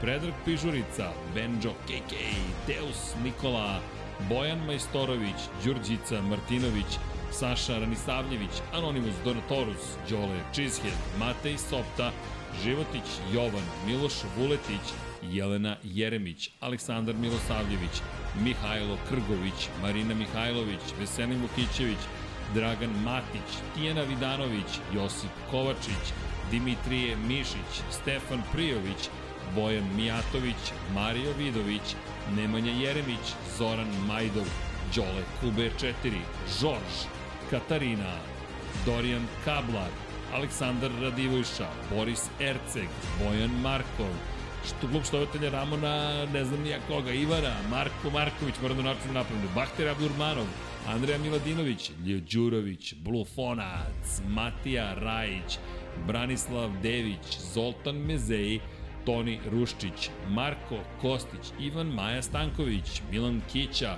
Ivan Toškov, Marin Antunović, Nenad Šimić, Mladen Krstić, Dušan Ristić, Bogdan Uzelac, Nedim, Stefan Dulić, Borko Božunović, Andrija Todorović, Ivan Maksimović, Andrej Božo, Ružica Stefanović, Anonimus, Donatorus, Vlada Ivanović, Andreja, Miloš Banduka, Vojin Kostić, Stefan Ličina, Nenad Ivić, Jelena Veljković, Emir Mešić, Vladimir Filipović, Branislav Marković, Jugoslav Ilić, Salim Okanović, Borislav Vukojević, Laslo Boroš, Mirina Živković, Živojin Petković, Dejan Vujović, Đorđe Radojević, Milan Paunović, Petar Nujić, Stefan Lešnjak, Optimistik Josh Allen Fan, Đorđe Đukić, Nikola Milosavljević, Danijela Ilić, Kimi Rajkonen, Aleksa Lilić, Miloš Radosavljević, LFC, Ivan Milatović, Alen Stojčić, Boris Golubar, Đole Bronkos, Nenad Pantelić, Andrej Bicok, Aleksandar Anđelić, Stefan Vuletić, Predrag Simić, Aleksa Vučaj, Milan Milašević, Aleksa Valter, Stefan Milošević, Stefan Stanković, Dušan Delić, Mladen Mladenović, Vladimir Mutić, Vukašin Vučenović, Igor Gašparević, Mirina Kovačević, Ivan Ciger, Vukašin Jekić, Ivan Rečević, Milan Apro, Sava Dugi, Luka, Borislav Jovanović, Jovan Đodan, Lukas ili Lukaš, Džigi Bao, Antonio Novak, Dragan Nikolovski, Ivica, Branimir Kovačev, Marko Horg, Lazar Pejović, Aca Vizla, Marko Blagojević, Damjan Veljanoski, Ognjen Grgur, Ognjen Ungurjanović, Aleksandar Banovac, Nemanja Zagorac, Branislav Kovačević, Luka Manitašević, Vladimir Uskoković, Branko Bisački, Mladen Tešić, Aleksandar Jurić, Aleksandar, Bojan Bogdanović, Nikola E, Ivan Rebac, Vuk Korać, Nikola Grujičić, Grgo Živaljić, Goša 46, Miloš Todorov, Denis Špoljarić, Pavle Nj, Marko Petrekanović, Stevan Zekanović, Vladan Miladinović, Đorđe Milanović, Milan Nešković, Nikola Božinović, Srđan Sivić, Vanja Radulović, Anonimus, Donatorus, Nemanja, Ivan, Stefan Nedeljković, Ivan Panajotović, Nemanja Miloradović, Darko Trajković, Nedim Drljević, Vladidov Dave, Stefan Radosavljević, Andreja Branković, Marko Mostarac, Daniel Kolobarić, Vladimir Petković, Bata Brada, Zoran Cimeša, Nikola Stojanović, Monika Erceg, Matija Binoto, Igor Vučković, Sead Šantić, Stefan Vidić, Boris Gvozden, Jasmina Pešić, Mihovil Stamičar, Nedo Lepanović, da žena ne sazna, Vučinić Miroslav, Žarko Milić, Đorđe Andrić, Neđo Mališić, Miroslav Cvetić, Lazar Hristov, Dušan Petrović, Nenad Đorđević, Dejan Đokić, Jugoslav Krasnić, Marko Bogavac, Jelena Mak, Igor Ninić, Kosta Berić, Miloš Zed, LFC, Bojan Markov, Bojan Gitarić, Din Stero, Koja 7, Nikola Vulović, Galeksić, Anonimus, Donatorus, Mensur Kurtagić, Đera 7, Toleador, Domagoj Kovač, Vladan Đurić, Resničanin, Marko Stojilković, Tatjana Lemajić, Aleksandar P, Bojan Pejković, Oliver Nikolić, Ivan Božanić, Uroš Čuturilo, Miloš Stanimirović, Nikola Božović, Alen Jesenović, Nikola Kojić, Nemanja Bračko, Igor Ilić, Marina, Aleks Vulović, Đorđe Janjić, Ivana Vesković, Drago Veković, Vukašin Vučenović, Ivan Vujasinović, Pavle Lukić, Saša Stevanović, Maksi, Aleksandar Kockar, Veselin Vukićević, Mortal Kombat, Ivan Vincetić, Milanka Marunić, Ivan Magdelinić, Jelena Jeremić, Aleksandar Nikolić, Milorad Reljić, Petar Bjelić, Zlatko Marić, Almir Vuk, Nemanja Miloradović, MS13, Dejan Plackov-Plackov, Nemanja, Branislav Dević, Nikola Grđan, Marko Bogavac, Almedin Ahmetović, Toni Soni 76, Milan Krežević, Vojislav Tadić, Bakadu, Vlada Ivanović, Josip Buljovčić, Vuk, Dejan Janić, Marakos, Digi, Regi, Ivan Hornjak, korespondent, korespondent, Voča Pero, Uroš Ćosić, Škundra Skundra, Nemanja Cimbaljević, Nikola Niksi i Kro Robi 0-0.